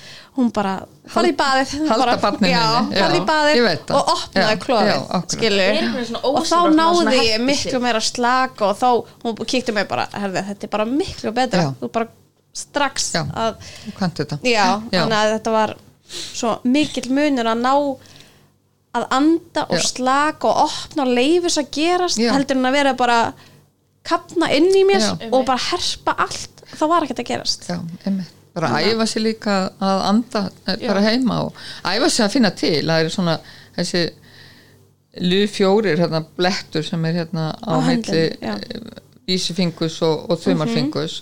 Ef þú ítir þar á, það er rosalega sársökafullt og ef þú ítir rosalega fast þar á, þá ert alveg, alveg að drefast. En það að geta ítt á að reyna að bæja sem verk frá með því að anda djúfta og blása frá og þá lærir þú svolítið að finna til og reyna að íta honum frá þannig að þetta er svona ýmis, ýmis. Þetta er gott Nei, ráð. já, Já. Við erum að taka hugmynd um- og hafa sínikenslu Já, og það er líka ofsalega sniðut að nota hennar punkt þegar verkefni verða og reyna að vera út af því við finnum bara einn stóran verk í einu, við finnum Já. ekki tvo í einu. Þannig að þá eru á, réttum það leiti þegar að hríðin er að mm Mhm. koma svona halva leið upp að þá ítum við á hana punkt og finnum hann, látum hennar punkt koma inn sem sterkari heldur en hríðin og þá reynir að hugsa bara hvað og finnur ofbúslega til í þessum punkti. En og þá nær hríðin ekki að komast inn í, í, í hérna, sásugagáttina sem sterkasti verkurinn heldur er þessi punktu sem sterkasti verkurinn og það er alveg snilt Vá, það er, er eitthvað- Já. já, það er það nefnilega. Við finnum bara eitt verk í einu og ef við eigum að geta reynda að, að koma því í burtu. Já, eins og maður heyrir alltaf stelpa sér svo hrættur við að fá mænutegingu já, maður eða allavega ég, ég mér var svo mikla hríðar að það var ekki séns að finna eitthvað sársöka í bakinu og það var bara já, að akkurat, já, já, akkurat já. Já, það fannst, finnst, fannst ekki til að Nei, það var bara ég eitt fann ekki Bara- þess að það var stungið inn Ekki, nei. já, ég fann ekki neitt. já, akkurat. Ekki það að ég sé að mæla með þessu bara Nei. nei, nei, nei, nei. En svo líka, þú veist, hva, eins og maður, þegar maður er í þessum aðstæðum, maður er bara eitthvað, eins og ég var að fæða hana 20 marka barn og ég var bara svo stressað því að fyrstu fæðingi með tangafæðing, Já, svo var ég bara með eitthvað strekk inn í mér, þú veist, átt að fara að koma honum út. Þá var ég bara, ég vissi ekki samt hvað aukaverkanir eru af já, eru ykk- einhverjir, já, já. Er ekki alveg fullt? Og veist, í aðstæðum var ég bara, nei, nei, mér er alveg sama, bara já, gef mér já, þetta. ég veit það. Það það er alveg líka akkurat þannig sem að sko ef að kona finnir mikið til og kollinu að koma skakt niður eitthvað svona þá er bara þú veist kannski bara lausn að fá epitúral og, og ég er ekki að mæla því mót þegar á því að það er að halda. En eins og þessi saumaklúpa epitúral eins og við það stundum þegar kona er búin að fæða kannski tvö börn eðlilega og það var einhverju saumaklúpum sem sagði að hann prófaði epitúral þetta er algjört æði og það er alveg synd þegar að kona getur svo ekki pissað eftir og, og, og þarf að fara heim með þarleik og jafnvel í einhverja vikur. Eða þá með uh, svona uh, taugaverkni í fót eða verk endalst í bakinu eða höfuverk og þurfa blóðbót. Það er ímislega til, ég meina það er aukaverkana á öllu hvað, í hvaða aðgerð sem hún ferð og þetta er aðgerð. Einmitt. og það eru aukaverkanir og það er, það er alveg þekktar og við þekkjum það alveg einu sinni við eða einhver tíman já, alveg öruglega einu sinni viku sem einhver fær aukaverkanir af epitúral Vá. já, já, það er náttúrulega svo margar sem fá epitúral en það er sama. Við, við verðum mjög mikið var við Já. þetta alveg rosalega maður áttast ekki alveg á því í aðstæðanum er ég hefði viljað lesa það áður. þetta. já, kynna mér það áður já, en af því þá hefði ég kannski farið aðra leið. Já, ákveðat, það er sko, en svo er líka, þú veist, ef maður komin í þetta og maður finnur ógislega til og þá er maður bara skýt sama, ég vil bara losna hennar verk og, og mér er alveg saman, þá bara verð ég bara að taka sensin og svo er, eru, en það er samt, sko, þær sem að hefði ekki þurft, veist, þær eru að koma með saumaklúpa epidúral, eða þú veist, þær eru bara að koma til þess að, eða, Æ, þú mig veist, langar að að því að mér langar að prófa, eða þú veist, og það hægir á, á hríðunum og þú já. ert að fæða mun setna heldur en ef þú myndir færi gegnum þetta en, en sko eins og ég segi það eru marga sem fá epidúral og þetta er mjög vinsælt að vinsæl merkja deyfing en og örglega í 50% tilfella er, voru þetta nöðsynlegt skilur en hinn er 50 ekki. Já, maður sér líka bara oft í eins og útlöndum One born every minute. Já, þá Þær eru þær bara að nerra út börnunum Já. út og dópar og finna ekki já, neitt. já, svo líka bara svo YouTube myndböndum. Já, þá er það bara fá, leiðar að fara af stað þá bara Dælt í þær. dælt í þær, það er ekki Já. með einni útvikun þú Já. veist, það er svolítið svona Já. öðruvísi Já. finnst með menning hérna. Já, já, það er líka hækkar tíðni keisar það skurða að fá, í, fá hérna epidúral með 2-3 útvikun Já, það er engin spurning. Að það ekki, Jú, já, jú, af því að þú veist, á- verður já, hæg já, já, það er það og, en að því að vorum að tala um gangsetningun áðan þá er ég með eina spurningu. Er ykkur sérstök ástæða af hverju það er ekki ennþá farið beint í að sprengja belgin? við, það er bara talið vera mikið inngrip en við gerum það alveg ef að kona er með þrjá fjóri útjökun og, og hérna er að koma í gangsetningu þá er belgun sprengtur Ah, ok. Það er alveg gert. En þá þarf líka reyndar kollurinn að vera komið niður. Já, það er að vera góð já, þarf vera, hún þarf að vera hagstæð til, Já. til þess að sprengja. Og það er alveg gert. En við, það er ekki byrja á því að eins og að frumbyrja að sprengja berg, það er bara til þess að kollurinn komið villusniður og allt í vesinni fjölbyrja er svona auðveldari með það. Hún er kannski útvíkunni ánum því fjórir og, og kollurinn vel niður og þá bara sprengja belgin og þá, Já, já, og þá bara bingo. Þá er það mjög fljótari vilt að fæða. Þá ætla ég að senda kvörtunabrif Nei, tjók var, var ekki sprengt hjá þér? Það var sprengt hjá mér. Já. Hérna 2014 Já, Þá var ég í gangsetningu Búin að fá stílana já, Búin að fara tvísvar í belglósun Það var ekkert að gerast En síðan var tekin ákvörðun 12 tímum eftir að gangsetningin byrjaði Að sprengja belgin Já, sko, málið er að ef þú ert byrjuð í gangsetningu, þá Já. er það ferli. Já, En við erum ekki að fara að sprengja belga því þú kemur í skoðun. Nei, en þá ertu búin að vera kannski lengur, lengri gangsetningu, lengur í gangsetningu og það hefur ekkert verið að gerast og það er þó kannski eitthvað opið og þú er hagstað í að láta sprengja þá er sprengt af því þetta er ferli. Þú ert Já. bara, það er fyrst byrjað á þessu svo er næsta og svo er fyrir að sprengja svo er fyrir að drippa og, og ef að allt er gert og ekkert að gera þá fyrir veist, það, er bara, það er bara þannig. En af hverju er tekin ákvörðin á að nota sóklökku? það er eh, stundum er konapapun rembast rosa lengi orðin alveg ofþreytt og bara alveg búin á því. Nú það er líka ef að barnu líður illa Já.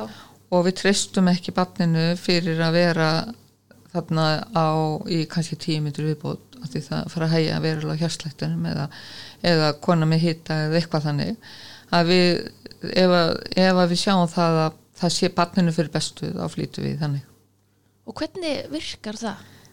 Þetta er bara eins og svona drullusokkur. Já, já, er það ekki? Jú, það er bara eiginlega, ja, það er til lítið klukka sem er með svona litlum drullusokk á, hvít, hvít og lítið sætt og, og hérna þá er það bara hana, klukkunni skellt á kollin á barninu og, og það er lofttæmt þannig að það sogast það á, á, á kollin og síðan þegar hríðir þá hjálpum við stæðan fyrir að þá hjálpum við kollinu með því að, að toga um leið hún rempist og þá kemur Ah, bara svona smá stuðningur já, með. já, já, stundum er það bara smá stuðning en stundum er þetta líka játklukka og, og bara uh, stígvél og, og bara fótspilna það er alveg til sko, það er alveg til en þó að sé frekar kannski sjálfgeft en þá er það alveg til og þá kannski frekar skurstof heldur en að fæðingastof Já. Gaman fyrir því að mæti vinnuna. Vist aldrei hvort að inn í. Vist er, magna já, þetta er alltaf það er nefnilega rosalega gaman maður er aldrei að fara í eitthvað svona þú veist, að ég bara framhalda og í gær eða þú veist, Nei. og þó svo að vera sama konu og ég var með í gær þá er hún samt ö, með aðra þarf í dag heldur hún var með í Já. því hún er komið lengri í fæðingu. Vá, það er rosalega gaman.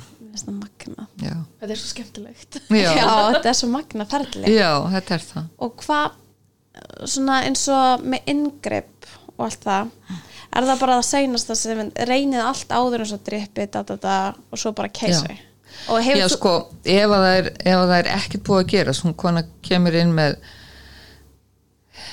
er sem sagt í gangsetningu hún er bara óhagstæð og hún er búin að fá sína töflur og, og, og það er svona aðeins fara að opnast leghálsinn og þá er kannski fara að huga að þegar ef að kollunum gengur vel niður að, að hérna sprengja belgin og, og svo þurfa hriðarna að vera x langar í, í, á tvekja myndum fresti, tvekja myndum fresti í, sem standa alveg í, í mínútu hver hríð. Ef að það er búið að vera í eh, þrjá fjóra tíma og ekkert er að gerast þá er kannski farið að hugsa um að fara að drippa og, og ef að það er ekkert að gerast eftir tvo tíman og þá hu- hugsa maður í og það er bara grindin er ekki í bóði eða þú veist það er barnið ætlar ekki að komast í gegnum þessa grind og þá er fæðin gerð með kesara Er það þá grindin sem að opnast ekki nægilega? E, Nei, grindi getur bara verið þröng og grindin opnast ekki, það er leghálsun sem opnast það er nefnilega máli Svo nefna að fá fóður. Já. Nei, ég er bara að spyrja. Já, það er bara mjög aðeins. sem að, sem að grindin er bara, þú ert bara með grind sem að, sem að við mælum til dæmis fyrir 17. fæðingu þá þarf að vera viss margir sentimeter lífbennið og milli, milli hérna í stærsta mál grindarinn þarf að vera líka og við erum að mæla nokkur, nokkur mál og ef að sko þegar bann kemur skakt niður þá er það kannski reykt, höfuðið reykt aftur og bak Já. og þá er höfuð ummálið frá augabrúnum aftur fyrir fyrir o- ofan eir og það þá er það 37 cm sem er að komast þetta niður. Staðin fyrir að ef að barnið er, er, er með bakið upp og nakkan fram og andlitið að enda þar með að þá beigir það og það, þá, þá er þrýstingun og kollinu þannig að, að höfukúpan hún fer svona á hún, þannig að hún minkar höfuðumáli gífilega og þannig að muna kannski það að ef þú ert með barni framhauðstöðu þá er það kannski 37 cm sem er fatna niður í staðin fyrir ef að barni er í réttri eh, stöðu þá er það kannski bara 32 sem er fatna niður sem verður 37 þegar það fætt skiljið, Já. þannig að það bara, það skiptur svo máli hvernig staða bassins er og þess vegna þurfum við að, að, að fylgja sér eða reyna að ef að ef að spörkin eru bynd út á magan þá líklega situr liggur batnið með bakið e, bak við bak hrygginn á sér, hrygginn á já, mömmuna. það er ekkert, það er þessi framhugustað sem Já. að þá horfur hann upp svona stjörnukíkir við viljum helst og þá segjum við konar að fara nú nýjan og gerðu svona skvattingæfingar og þetta til þess að reyna að snúa batninu þannig að það snúir rétt. framhöfuð. já, það er nefnilega svolítið. Hún náði samt að snúinni rétt áður Já, hún náði já, snúinni inn í já, já, ok, það er að hún þá, kom þá kemst hún. já, þá kemst hún rétt út. Það er nefnilega erfiðar að heina fæðingarna sem að fæða svona. Það er erfiðar fæðingar Getur bara Já. með breyða grind og prát. Já, já, en grindin skiptir náttúrulega máli. Já. en ef þú ert með þrönga grind bara gallaböksnagrind sko, þú veist það sem að búið eða þú veist það búið að þrengja aldrei fengið að vera í öðru heldur en í 25 í buksum þá er náttúrulega, og það er suma bara grindur eru bara ekkert gerðar í, í að batfæra það gegn. Þannig að það er alveg eitthvað til í hérna, hvað tiltakinu Childbearing hips já, eiginlega. Er líka eitthvað svona ef mamma mín átti slæma fæðingu já, að ég muni eiga slæma fæðingu? Er þetta, hvað er þetta, arfgengt. já, það fer eftir því hvort að batni hafa snúið rétt hjá henni. Já, það, eða þú veist að minna það er kannski batni snýri vittlust af því að grindum var slæm eða lila, en þú þarft ekki endilega að hafa ert mömmuðina grind. Nei. Kannski bara ömmuðina í föðurætt Já. þú veist þannig að þú þarft ekki þannig að það er ekkert það er, nei, er það er ekkert svolítið en það er, maður sér það samt sko alveg ef að ef maður horfir á mæðgur og þær eru eins í læginu Já, það á ég til með, þú veist að ef að það er langt einn fæðin, þá spyr ég með mér og hvernig gekk þér, alveg ræðilega fór keisinn Já. öll og eitthvað svona okay. þannig að þá er líka þessi stelpa svolítið bara veit það hún er, hún er með þetta séplan það er nefnilega abi og séplani sko.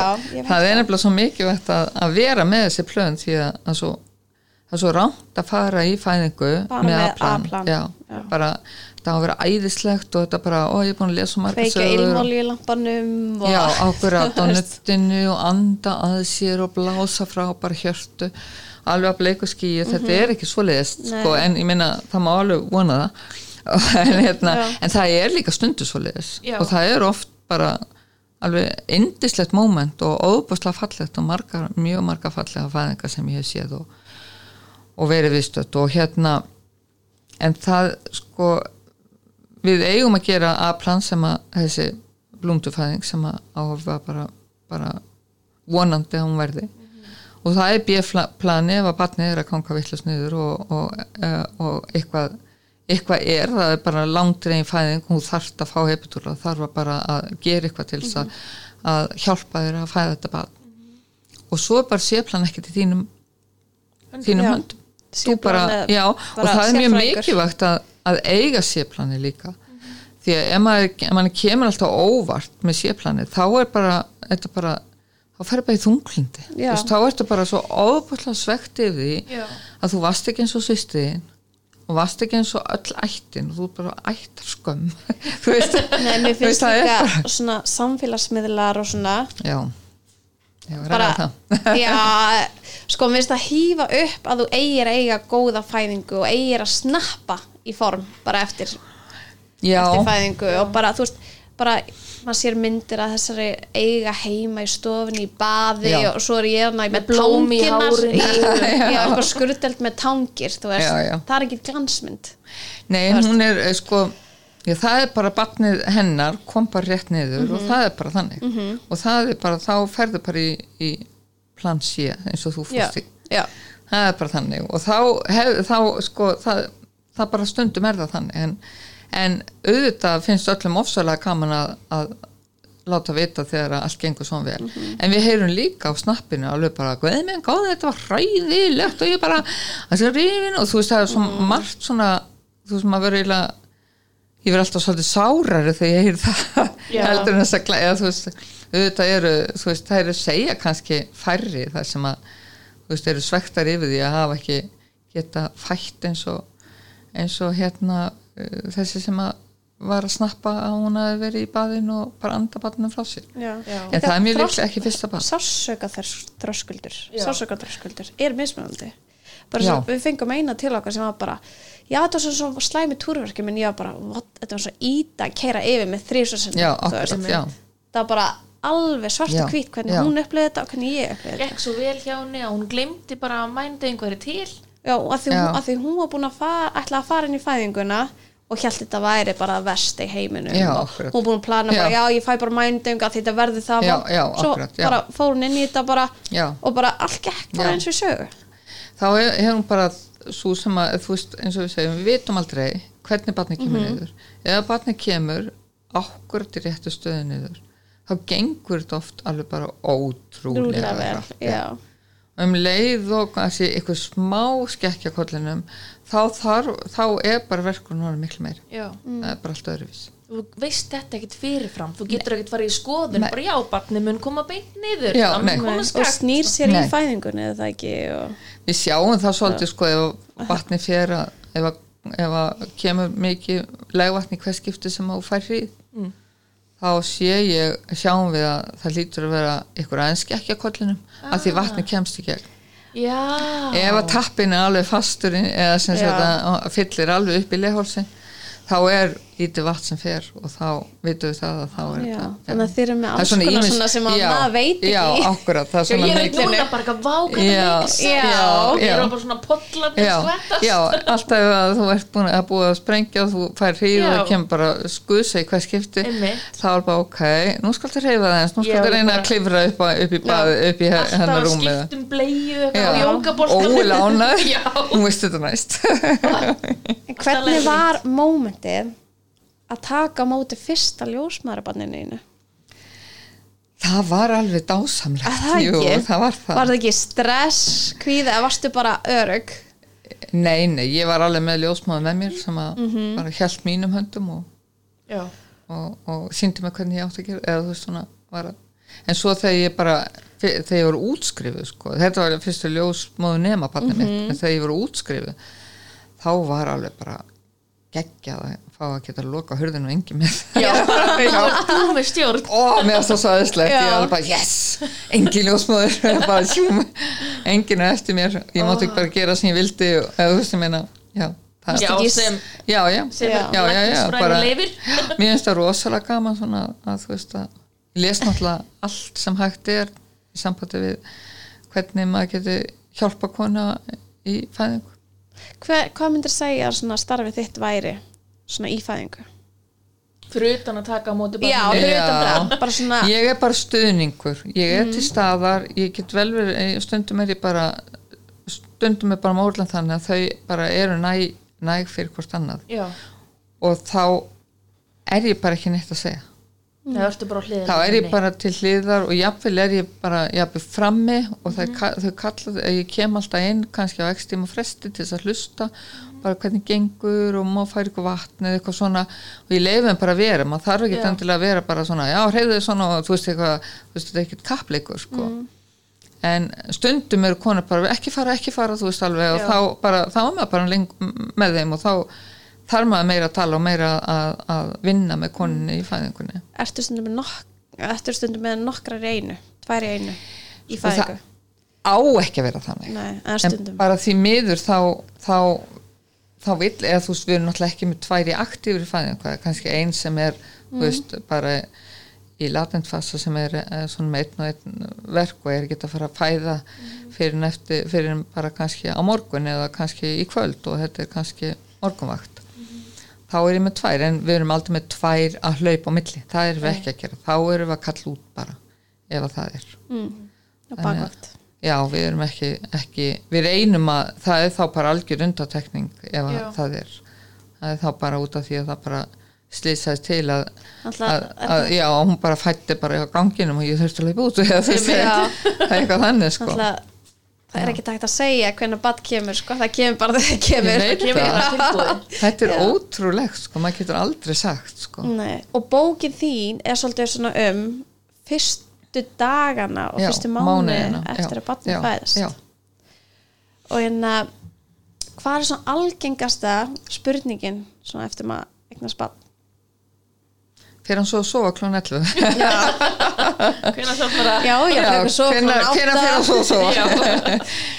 hérna það er nú bara svo margar spurningar mm. og, og hérna það er margt sem kemur óvart ég meina hvernig barnin lítið út og Já. halda allir að, að barnin verði bara alveg bara eins og í bíómyndunum bara brosanlega að hennar fæðist eða, eða þau eru oft svo krumpuðu með skokkairu og nef og, og þú Já, veist að krúttuð, og já, og- sköllótt og, og sem eru háru og þú veist þannig að það er þetta er það er náttúrulega marga spurningar sem við fáum Mhm. og, og það er þessna sem bókin er sko, til dæmis þess að því ég átti, ég átti fyrsta barni mitt en hún var að vöku því að bara var að vöku í eitthvað tvær vikur eitthvað.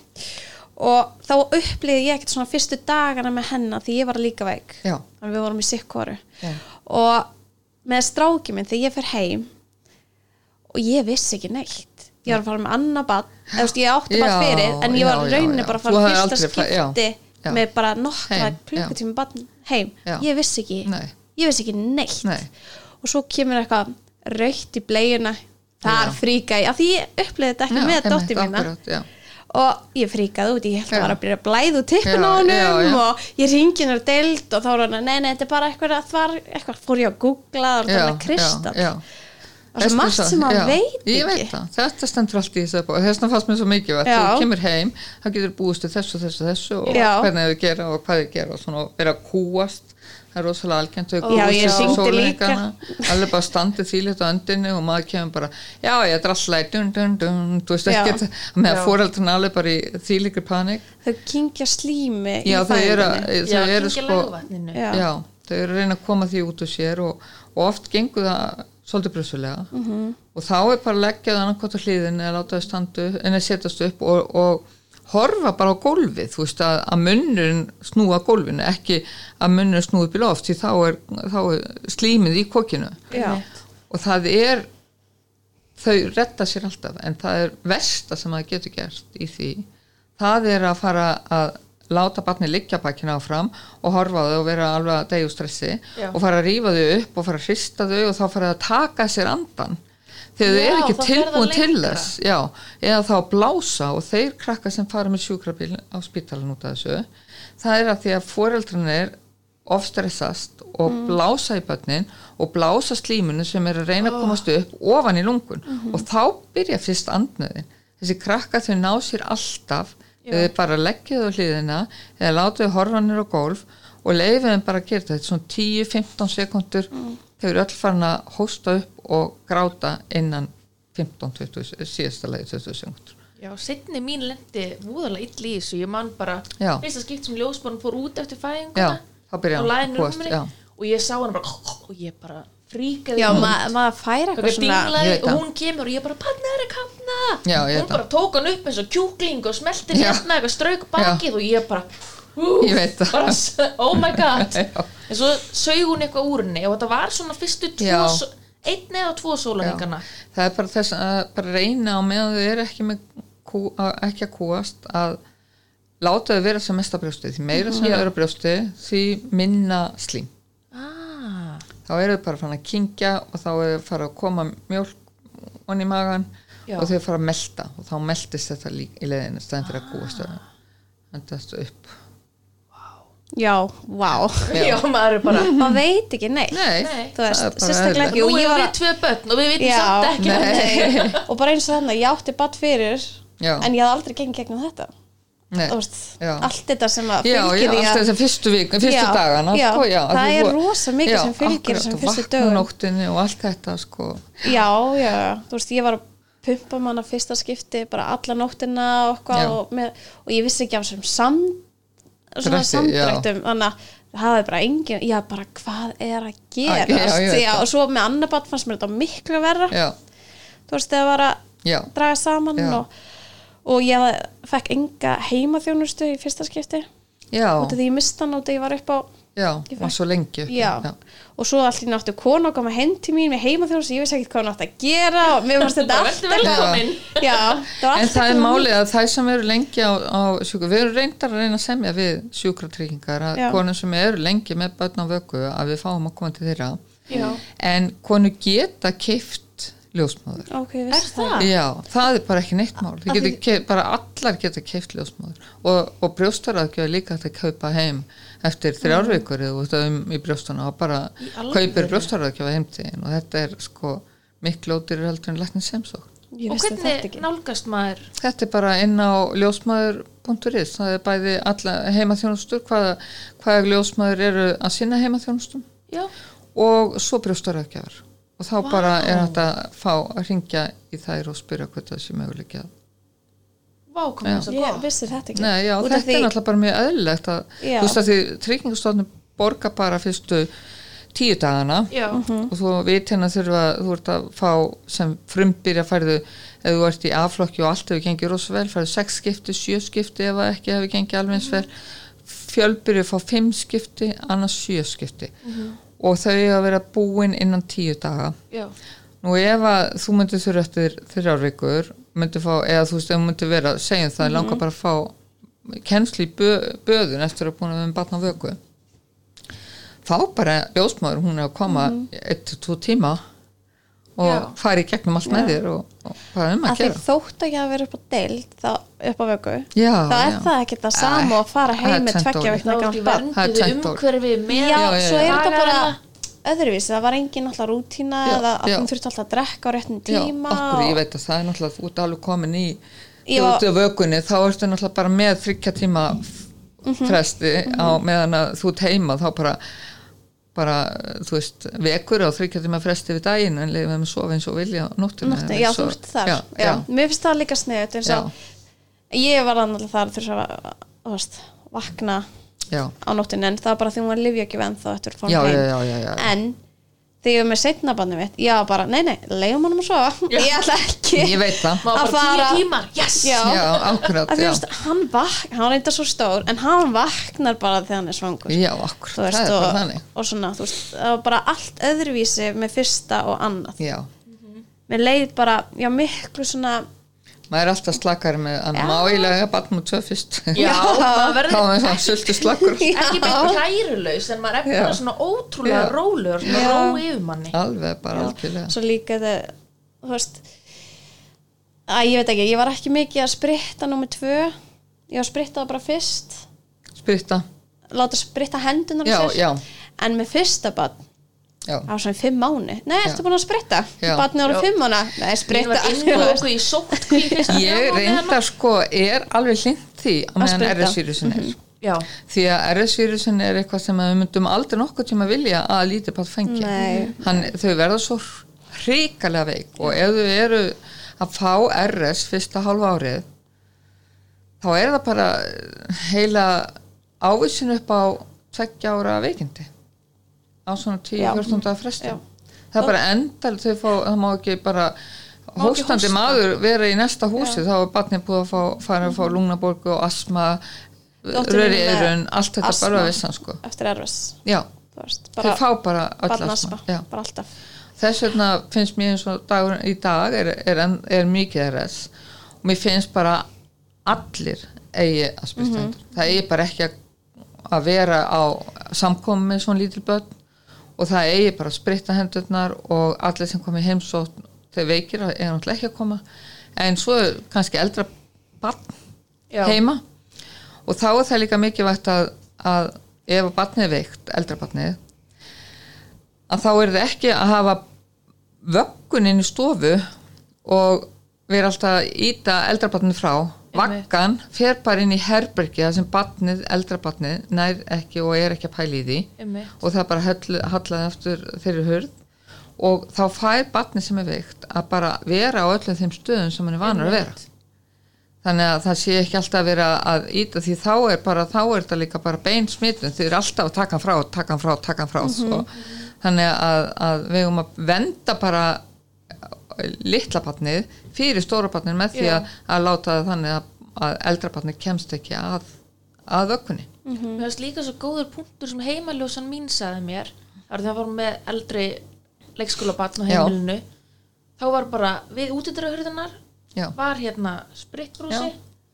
og bara hún kom inn heima þú sem hendunar, mm. fekk sprit Já. og skiptum ból já það er eftir leikskóla Já. við bara hvetjum allt til þess finnst og það látum krakkanu að sápulöku sko, sápulöku. Já, mér fannst það líka svo já, og koma, amma og við komum heim svo svona Ertu Já, búin að spritta þig? Já. snæbrúsan Já. Þú farið ekki hitta sýsti mín og við erum búin já, að spritta þig? það er Já, bara mjög snuð því að það er um að gera sko. Það er líka þau muna svona hluti ef maður er Já. að gleyma sjálfur þá er gott að hafa þau Mamma, Já. ertu búin að spritta kemur, svo kemur amman í heimsókn og mamman segir kannski heyrðu spritta henduna býttu nú við, er ekki fara að kynna heinunni ég er nú, nú nýkón og baðið búin að halda í stýrið á leiðinu þú veist, kannski búin að taka bensín eða vera með klingið. já, nákvæmlega sko. En eins og fæ, nei, fæðingarþunglindi myndir tengja það mikið við erfaða fæðingar? Svona sko konur sem að hafa átt sögu um, um fæðingaþunglindi um, um þunglindi segi ég, bara búin að eiga einhverja sögu um þunglindi þær er í meiri áhættu, áhættu að fá fæðingaþunglindi og þær sem hafa einhver tíma fengið fæðingaþunglindi þær fá þær mjög líklega aftur. Já, en það fer líka bara mjög mikið sko, svo er líka var þetta fæðingaþunglindi eða var þetta áfall yfir erfiðir fæðing það er tvent ólíkt. Já. Og þær fá líð oft alveg óbúslega, þeim líður oft alveg óbúslega illa ef að fæðingin hefur gengið illa. Og þá finnst mér mjög mikilvægt að, að fara í ljáðum er eira sem er að og bara fara sem fyrst til þess að bæði að láta þær vita hvernig þeim líður eða hvernig líðanin er eftir fæðinguna og sjá bara hvernig var þessi fæðing. Hvernig, hvernig gekk hún og bara hafi farið það er allt skrifað og akkur voru svona lengi að gera þetta? Og það eru hún er svona þúsund spurningar sem þessar konur sem eiga erfiða fæðingu þegar þær er að spyrja. Það er svo marga spurningar sem, þær, sem eru ósvarað.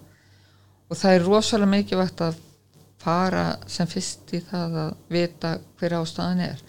Og það er ekki skrítið að konur fái þunglindi það geng, hefur gengið illa. Batni kannski á vökkudöldinni og það er þú veist það eru öfnar og það er þeim líður alveg ógislega illa því að, að hún er ein af vinkoninu sem að sko gekk svona illa með og, og svo tekur batni ekki brjóst og svo fær mamman sáraverstunar og hún getur alltaf setið og það er ekki skrítið að fá sáraverstunum og þú veist Já. þannig að það fá bara allan pakkan ofbóstlega erfitt sko. Þetta er rosa yfir yfirþyrmandi Já, þetta, Já. það er ekki skrítið að, að konur fái fæðingaþunglindi, þú veist, þær sem hafa gengið í gegnum erfiða fæðingu en þær eru í meiri hættu þær sem að eiga við eitthvað geð vandamál að stríða fyrr. já En er það algengt að þær sem hafa góða fæðingu fái fæðinga þunglindi?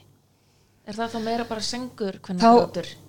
Sko við sjáum orðið mjög lítið sængu konar gráta því að þær eru bara farnar heim. Og Já. þær eru bara með pappanum þú veist, eða, þú veist aðstandandunum, makanum sínum.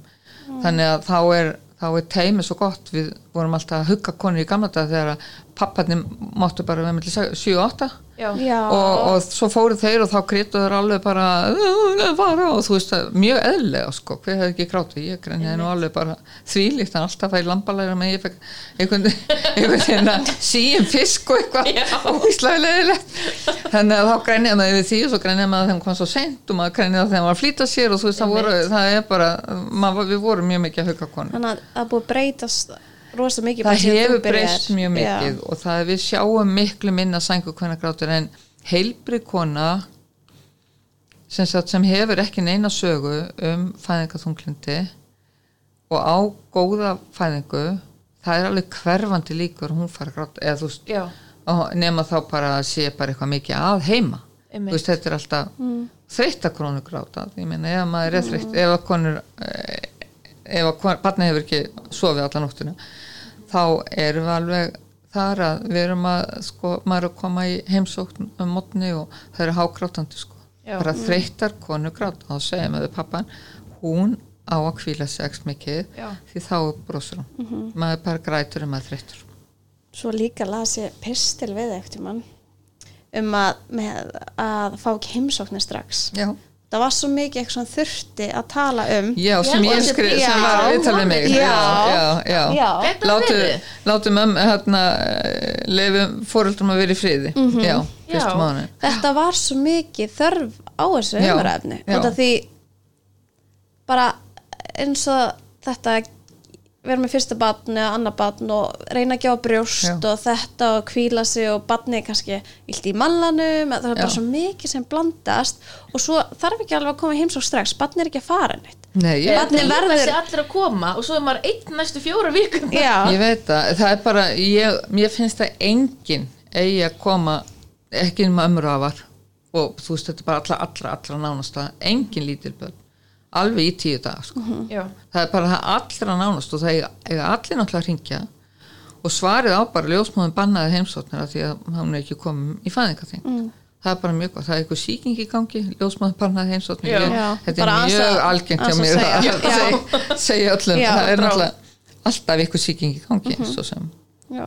það er alltaf ykkur flensa eða já, já, já, og RS núna það bara engi, það er Svo bara já, finnst mér, þetta bara svo skrítið af því að eftir mánuð eða þrjá vikur Já. eða, þá er batnið ennþá þarna. Já, já. og það er ennþá jafn sætt og ennþá jafn mikið já. krótt og, og þá Já. líka kannski pappin byrja að vinna þá kannski bara þörfa heimsók Akkúrat, ég þá það, kannski bara þörfa smá kaffibotla og, ég er að vinkonu spjall og það og ég man því að ég lasa þetta var svo bara, já, Já, þetta en það var svo deilt alveg bara, þú veist, þetta var einn mest lesna greinin í, já, Þetta- þetta er líka bara mamma deildi þessu og bara hugsiði til Söru allir. já, já, já, þetta er mjög mikilvægt, sko. Já, það er alveg rétt. ekki það að ég hef hlustað á þetta ég held að það hafi verið 11 manns heima að byggja eftir með þeir koma að fæðingadeildinni að það og mamma og pappi og amma og afi og hinn amman og svo sískinni er bróður minn og sýstir hans já. en það var líka út að ég baði öllum að koma já, Já, en, en voruð annað. þið ekki búin að koma inn á deilt? nei, ég fór bara heim fjórum tímum eftir fæðingu Já, já, já. Og þar tók pappi á móti mér með fullan póka af metró og ég gætt sínt þeim öllum og kvilt mig ekki það ég hef kvilt mig en Já, frábært. það var mjög þægilegt Já.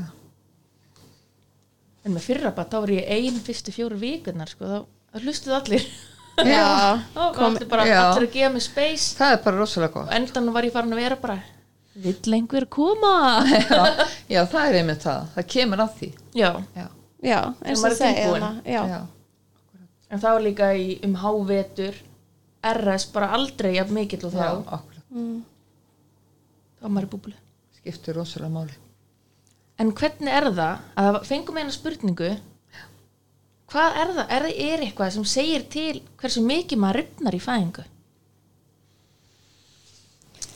og svona yfir í allt annað já, Já, sko, við erum á, um, við erum í æfingabúðum, ljósmaður, mörgursunum ári til þess að, að, að fara í gegnum það, hvernig við höldum um spöng Já. og reynum að minka uh, allan skada. En hérna, það er aftur á móti möguleiki að hjálpa sér svolítið sjálf með því að að nota til dæmis bara eins og bara ólefólíu og láta hann til dæmis á þumalinn og ef maður horfir á leg, hennar leggangu opið sem klukku að nutta þá með þumlinum frá nýju til þrjú. Og svolítið íta spönginu þannig að mýkja þannig. Já. það er uh, svona, svona frá 30 og 4. 5. viku. Það er alveg til þess að, að mikið þær hafa uh, talað um það. Það er, það er mikill munur á því sem, það sem að hafa gert það. Er ekkert marga sem gerir þetta. En nei, maður það- hefur heyrt um hana sp- hvað spangar olíu eða eitthvað? Já, en já, ég kipta aldrei. Ég Já, það sko, ég en bara sko- gerði það aldrei. Já, sko uh, þú veist, bangar olía er þetta ekki er bara eins og, veist, eins og, eins og með batni, það er alveg eins og bara multivít með, og, og taka bara auka Mhm. B12 eða þú veist, ég minna, þetta er það er hérna þetta er nöfnin á sig bara ekkert alveg rétt alltaf, sko, Mhm. spangarolía ég veit að það getur vel verið sigur lavendur í það en, en það er bara olía ólífolía bara Mhm. ekstra fín bara. Og nota, láta bara pinlit í, í, í glas og, og nota þumalinn til þess að þess að nutta þrjú til nýju Já. Og íta svolítið og niður líka bara eins og með slit á maga. Já, veist, er þetta ekki hormónar? Þetta er hormonatengt já, en, en sko, er erfitt að þú veist um, komið veg fyrir það. Já, sumar tala um það að sko, þetta er náttúrulega við þurftum eiginlega að hafa einingja tvípur til að, að, að gera svona tilurna á. Já, að hérna, þá veist sumar tala um það, ég er bara alltaf á mig og eitthvað svona, mamma mín, hún slitnaði mjög mikið mm. og, og svo passaði ég alltaf rosa vel að, að hérna að bera á, á mig í slitna aldrei en ég var kannski með minna börnin hún og Já, þú veist þannig að það fer eftir stærðinni og ég held að það að bera á húð skiptir ekki öllu en kannski er bara mjög gott að bera á Þurra bara bumbu. til þess að Já. já bara ef þú ert með þurra húð að, að það mýkir hann og það kannski kemur veg fyrir að, að þú slitna eins en, en konur undir átjónaraldri ég held að sé 90% slitna. Undir átján? Já.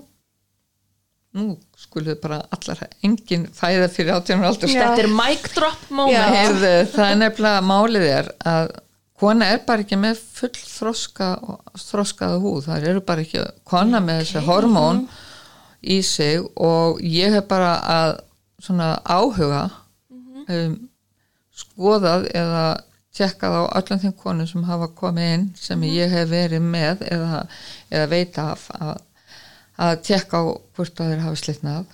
Og þær eru annarko, eða, annarko, eða, eða það eru mjög grannar þá er það kannski ekki og hafa fætt lítið bát þær eru ekki mikið, mikið slitnar á, á kvinnum en rosalega mikið á brjóstunum. Já, og jafnvel á lærónum og, en það sem eru kannski breyður og eru með fulla meðgangu þær eru með tölvist mikið slitt og ég held að aldur sko tvítugt og yfir það er miklu sjaldnar að þær slitni svona hrikalega eins og ungu stelpurna þær, en svo er svo merkilegt að eins og stelpur slitna húðin og þeim slitna rosalega þá ripna þær oft völit er það? en það, ég veit ekki af hverju já. hver er, Já, hver er tengingin? já, mað, kannski bara kærlis ég minna það er ekkert, ekkert að hérna, stressa sig yfir þessu, ég veit það ekki en allavega er, það eru búnar með já. já ég held að þetta væri góð hennar getnaðvörd fyrir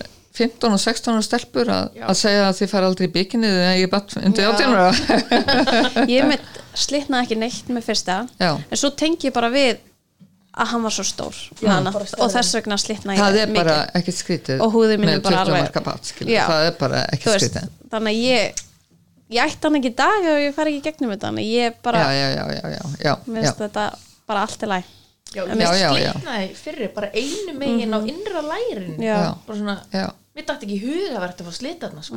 nei. En samt drifnaði ég ekkert. Fekk bara slit í löppina. Já, já, já, já, já.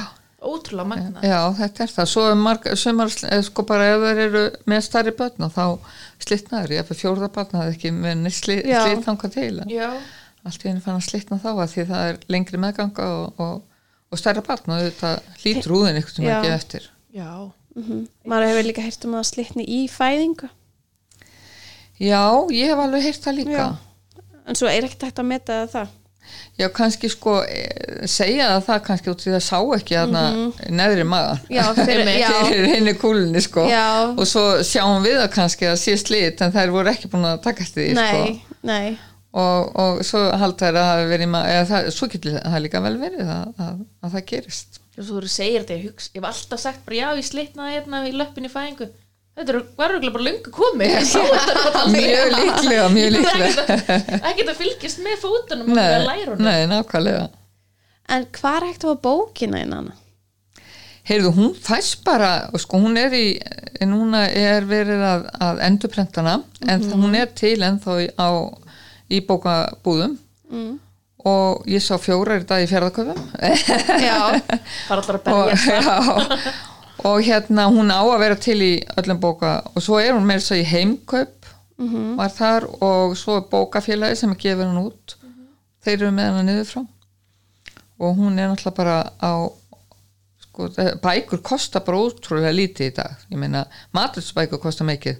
En svona bækur kosta þessi kostar uh, já, þrjú og- þrjú og eitt og fimmti heldur hjá, hjá útgefandanum og, og er svona milli þrjú og, og þrjú svo sjöundru já, þannig það að, er undir fjöguðu skallinum já, já, já, já, já þar mér finnst það svo flott bók út af því eh, það er alls konar tips eftir þú Já. kemur heim. Já, þú lappar heim með nýtt barn og ert bara já, Jæja, ok, barnir er stólum, sofandi, er ég að fara að taka upp, er ég að fara að leggja í Já. körfuna, Já. hvað er ég að fara að gera, er ég að fara að horfa það, á ég að gefa í brjóst, Já. þú veist, já, maður er svona, veit já, ekki akkurat. neitt. Það Gott að er- lesa þetta á meðgöngun og svolítið undirbúið sér hvað maður að fara út Já, í. þegar maður undirbýr sig fyrir já, fæðingu, já, það er mjög en gott. ekki, en mér finnst líka, þú veist, um leið og barnið er fætt, þá var svo margt sem að þú varst að lesa á meðgöngunni sem út búin gleyma, af því að þú gerir ekki Já. ráð fyrir því að barnið þitt að því, að það er svo skrítið að allt sem við lesum það gerist ekki fyrir okkur ef það er ekki gott. Já, og bara þú veist það að, að barnið sem er eitthvað stýr í auganu og þú ætti ekki að nota fingurinn til að taka það.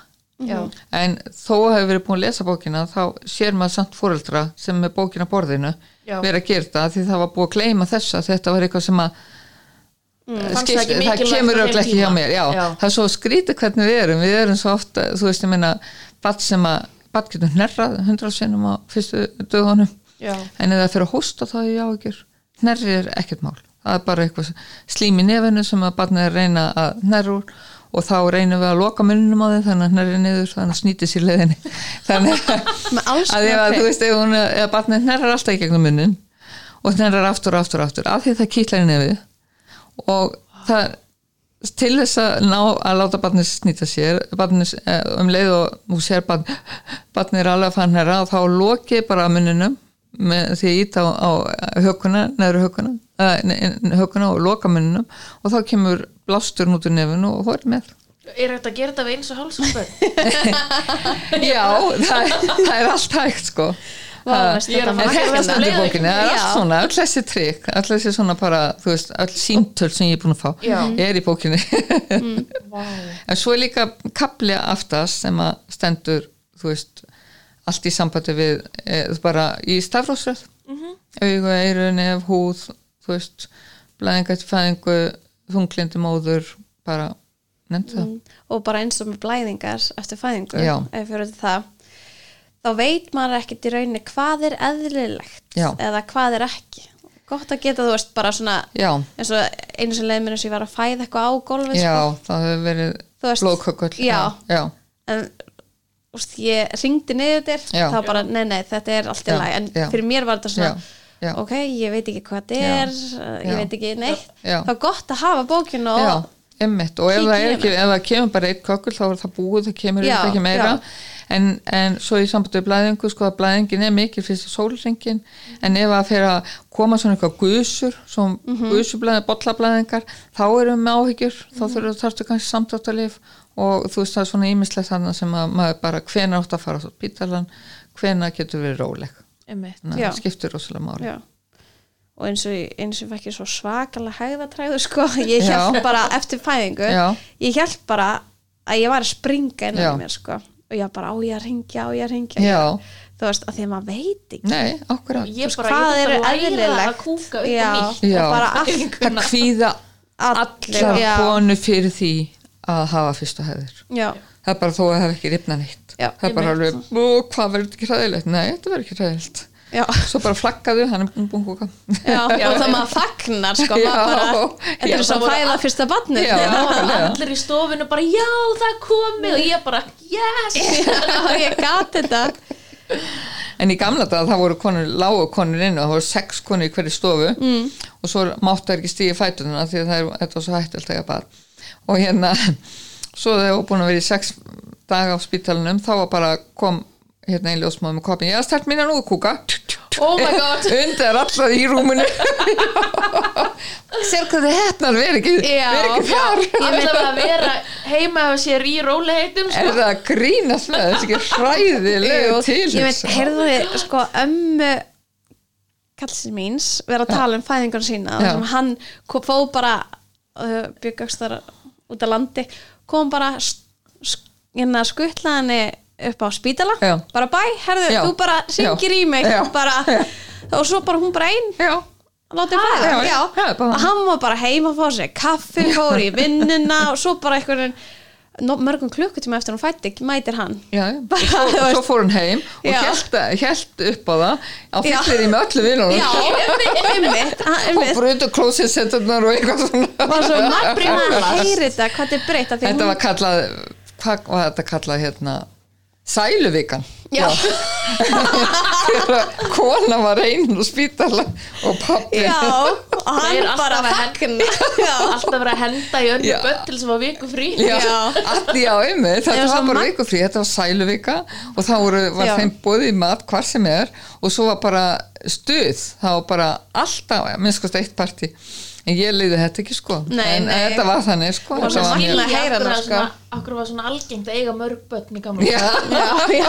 Það kemur ljósa fyrir mómenti. Já. eins og, eins og hún sagði, þú veist hún var bara látið meira einin í stofu og bara átti já, að bara, og það var alltaf ja, engin deyfing en eitt í Nei, bóða þessum tíma. Nei, þú veist, og, og svo fyndi að heyra þetta bara hvað, og Albert var hliðin á mér í fæðingunum já, minni, sko, þú veist, alveg Já. bara veit minn, það, já, hvað þetta er svona við erum búin að þróast í svo já. góða átt á já, já, já, fæðingum, algjörlega hvað fæðingar eru já, fallar já, akkurat og það er engin skömm að fæða þú veist, þarna var þetta bara já, já, kallarni mætti ekki að horfa Nei, og akkurat. og þá það ekki vilja það aftur já, það einmitt nú eitthvað eins sem sagði við að hún finnst svona komna út í það hvort þið vilja það ekki Já. það er hérna eins sem ég var með í heimaþjónustu sem að hérna að ég var að tala um getnavarnir og, og Já. meðal annars hormónleikin og hún segir eitthvað svona hérna, hvað er, er, er ykkur aukaverkna á sé, já, það getur verið eða þú hefur verið með bólu sem úlingu þá getur þú fengið aftur þessar bólur og eitthvað svona. Og svo er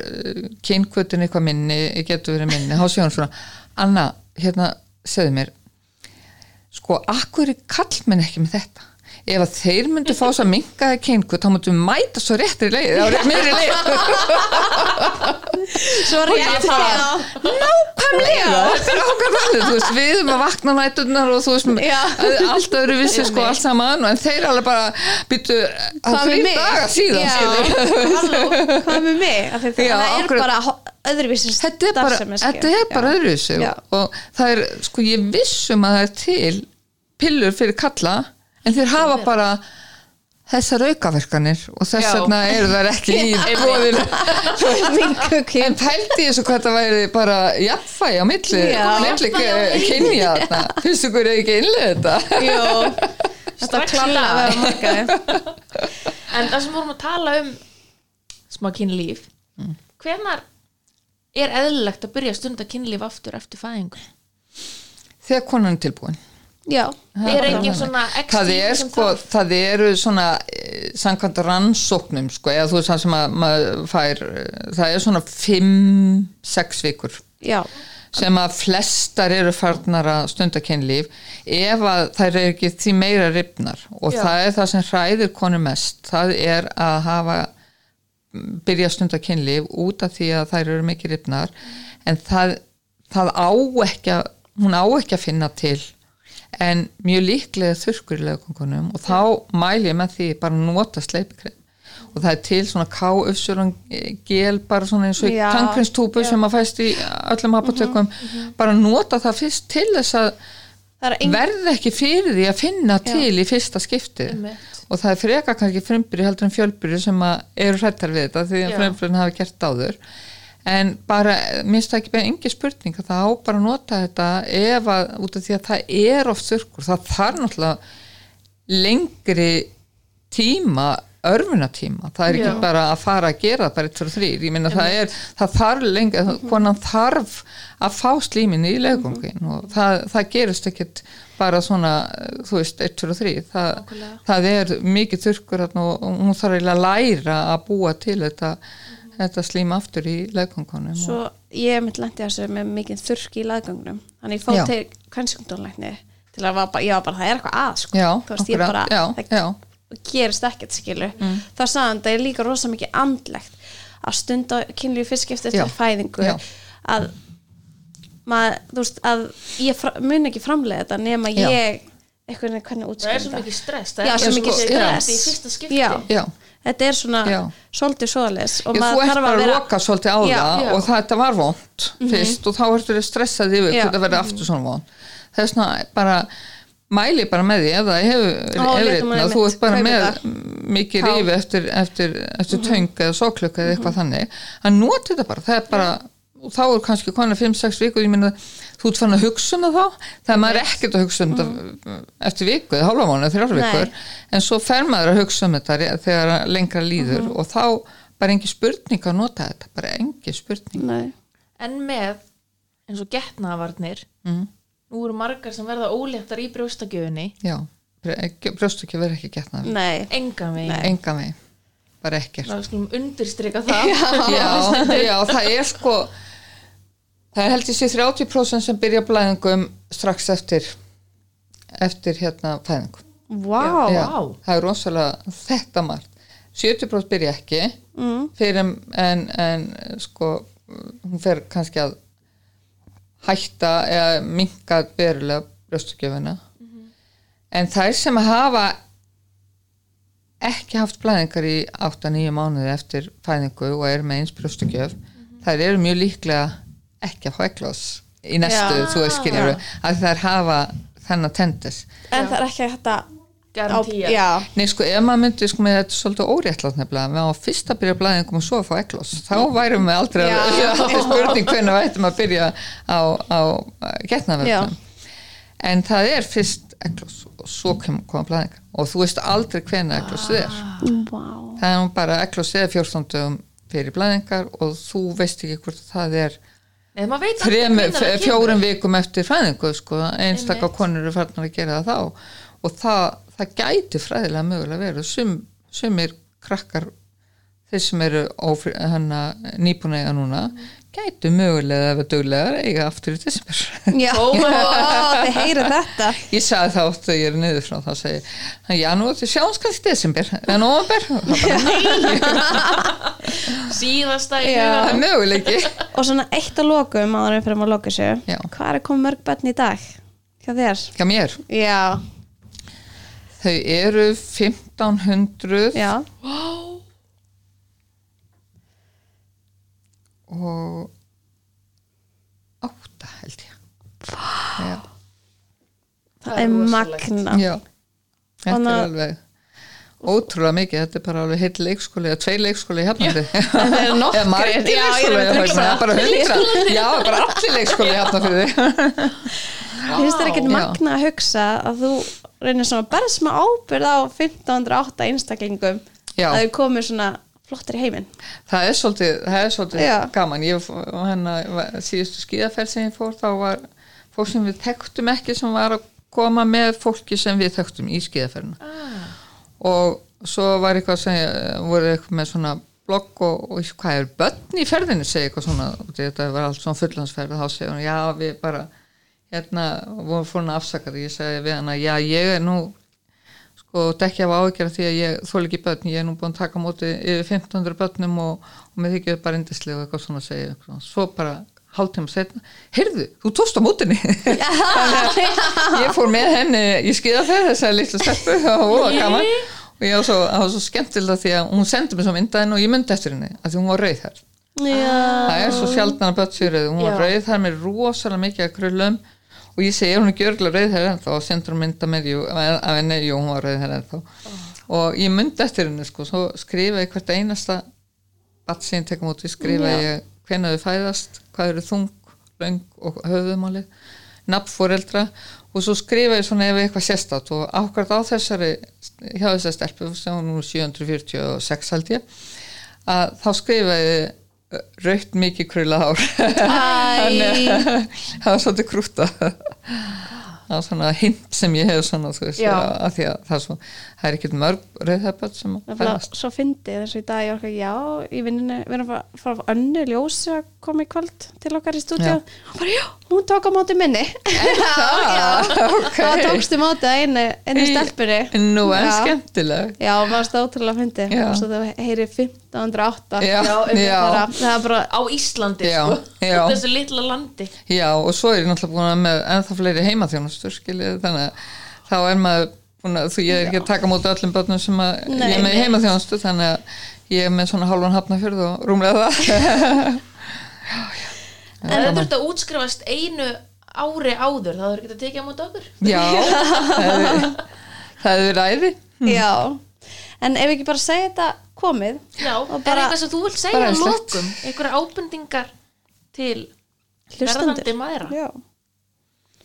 ég bara fylgja sjálfur sér og reyna að, að passa vel upp á mataræði og, og, og bara jákvæðni Já. við erum ekki að, að leita eftir einhverju á, á miðlunum það sem hefur gengið illa- það er rosalega mikilvægt að reyna að íta þessum að googla, íta því Já. burtu vera ekkert að googla og ekki að bara reyna bara að vera svolítið jákvæð og horfa á þetta á A-plan þó B og C-plan sé til Já.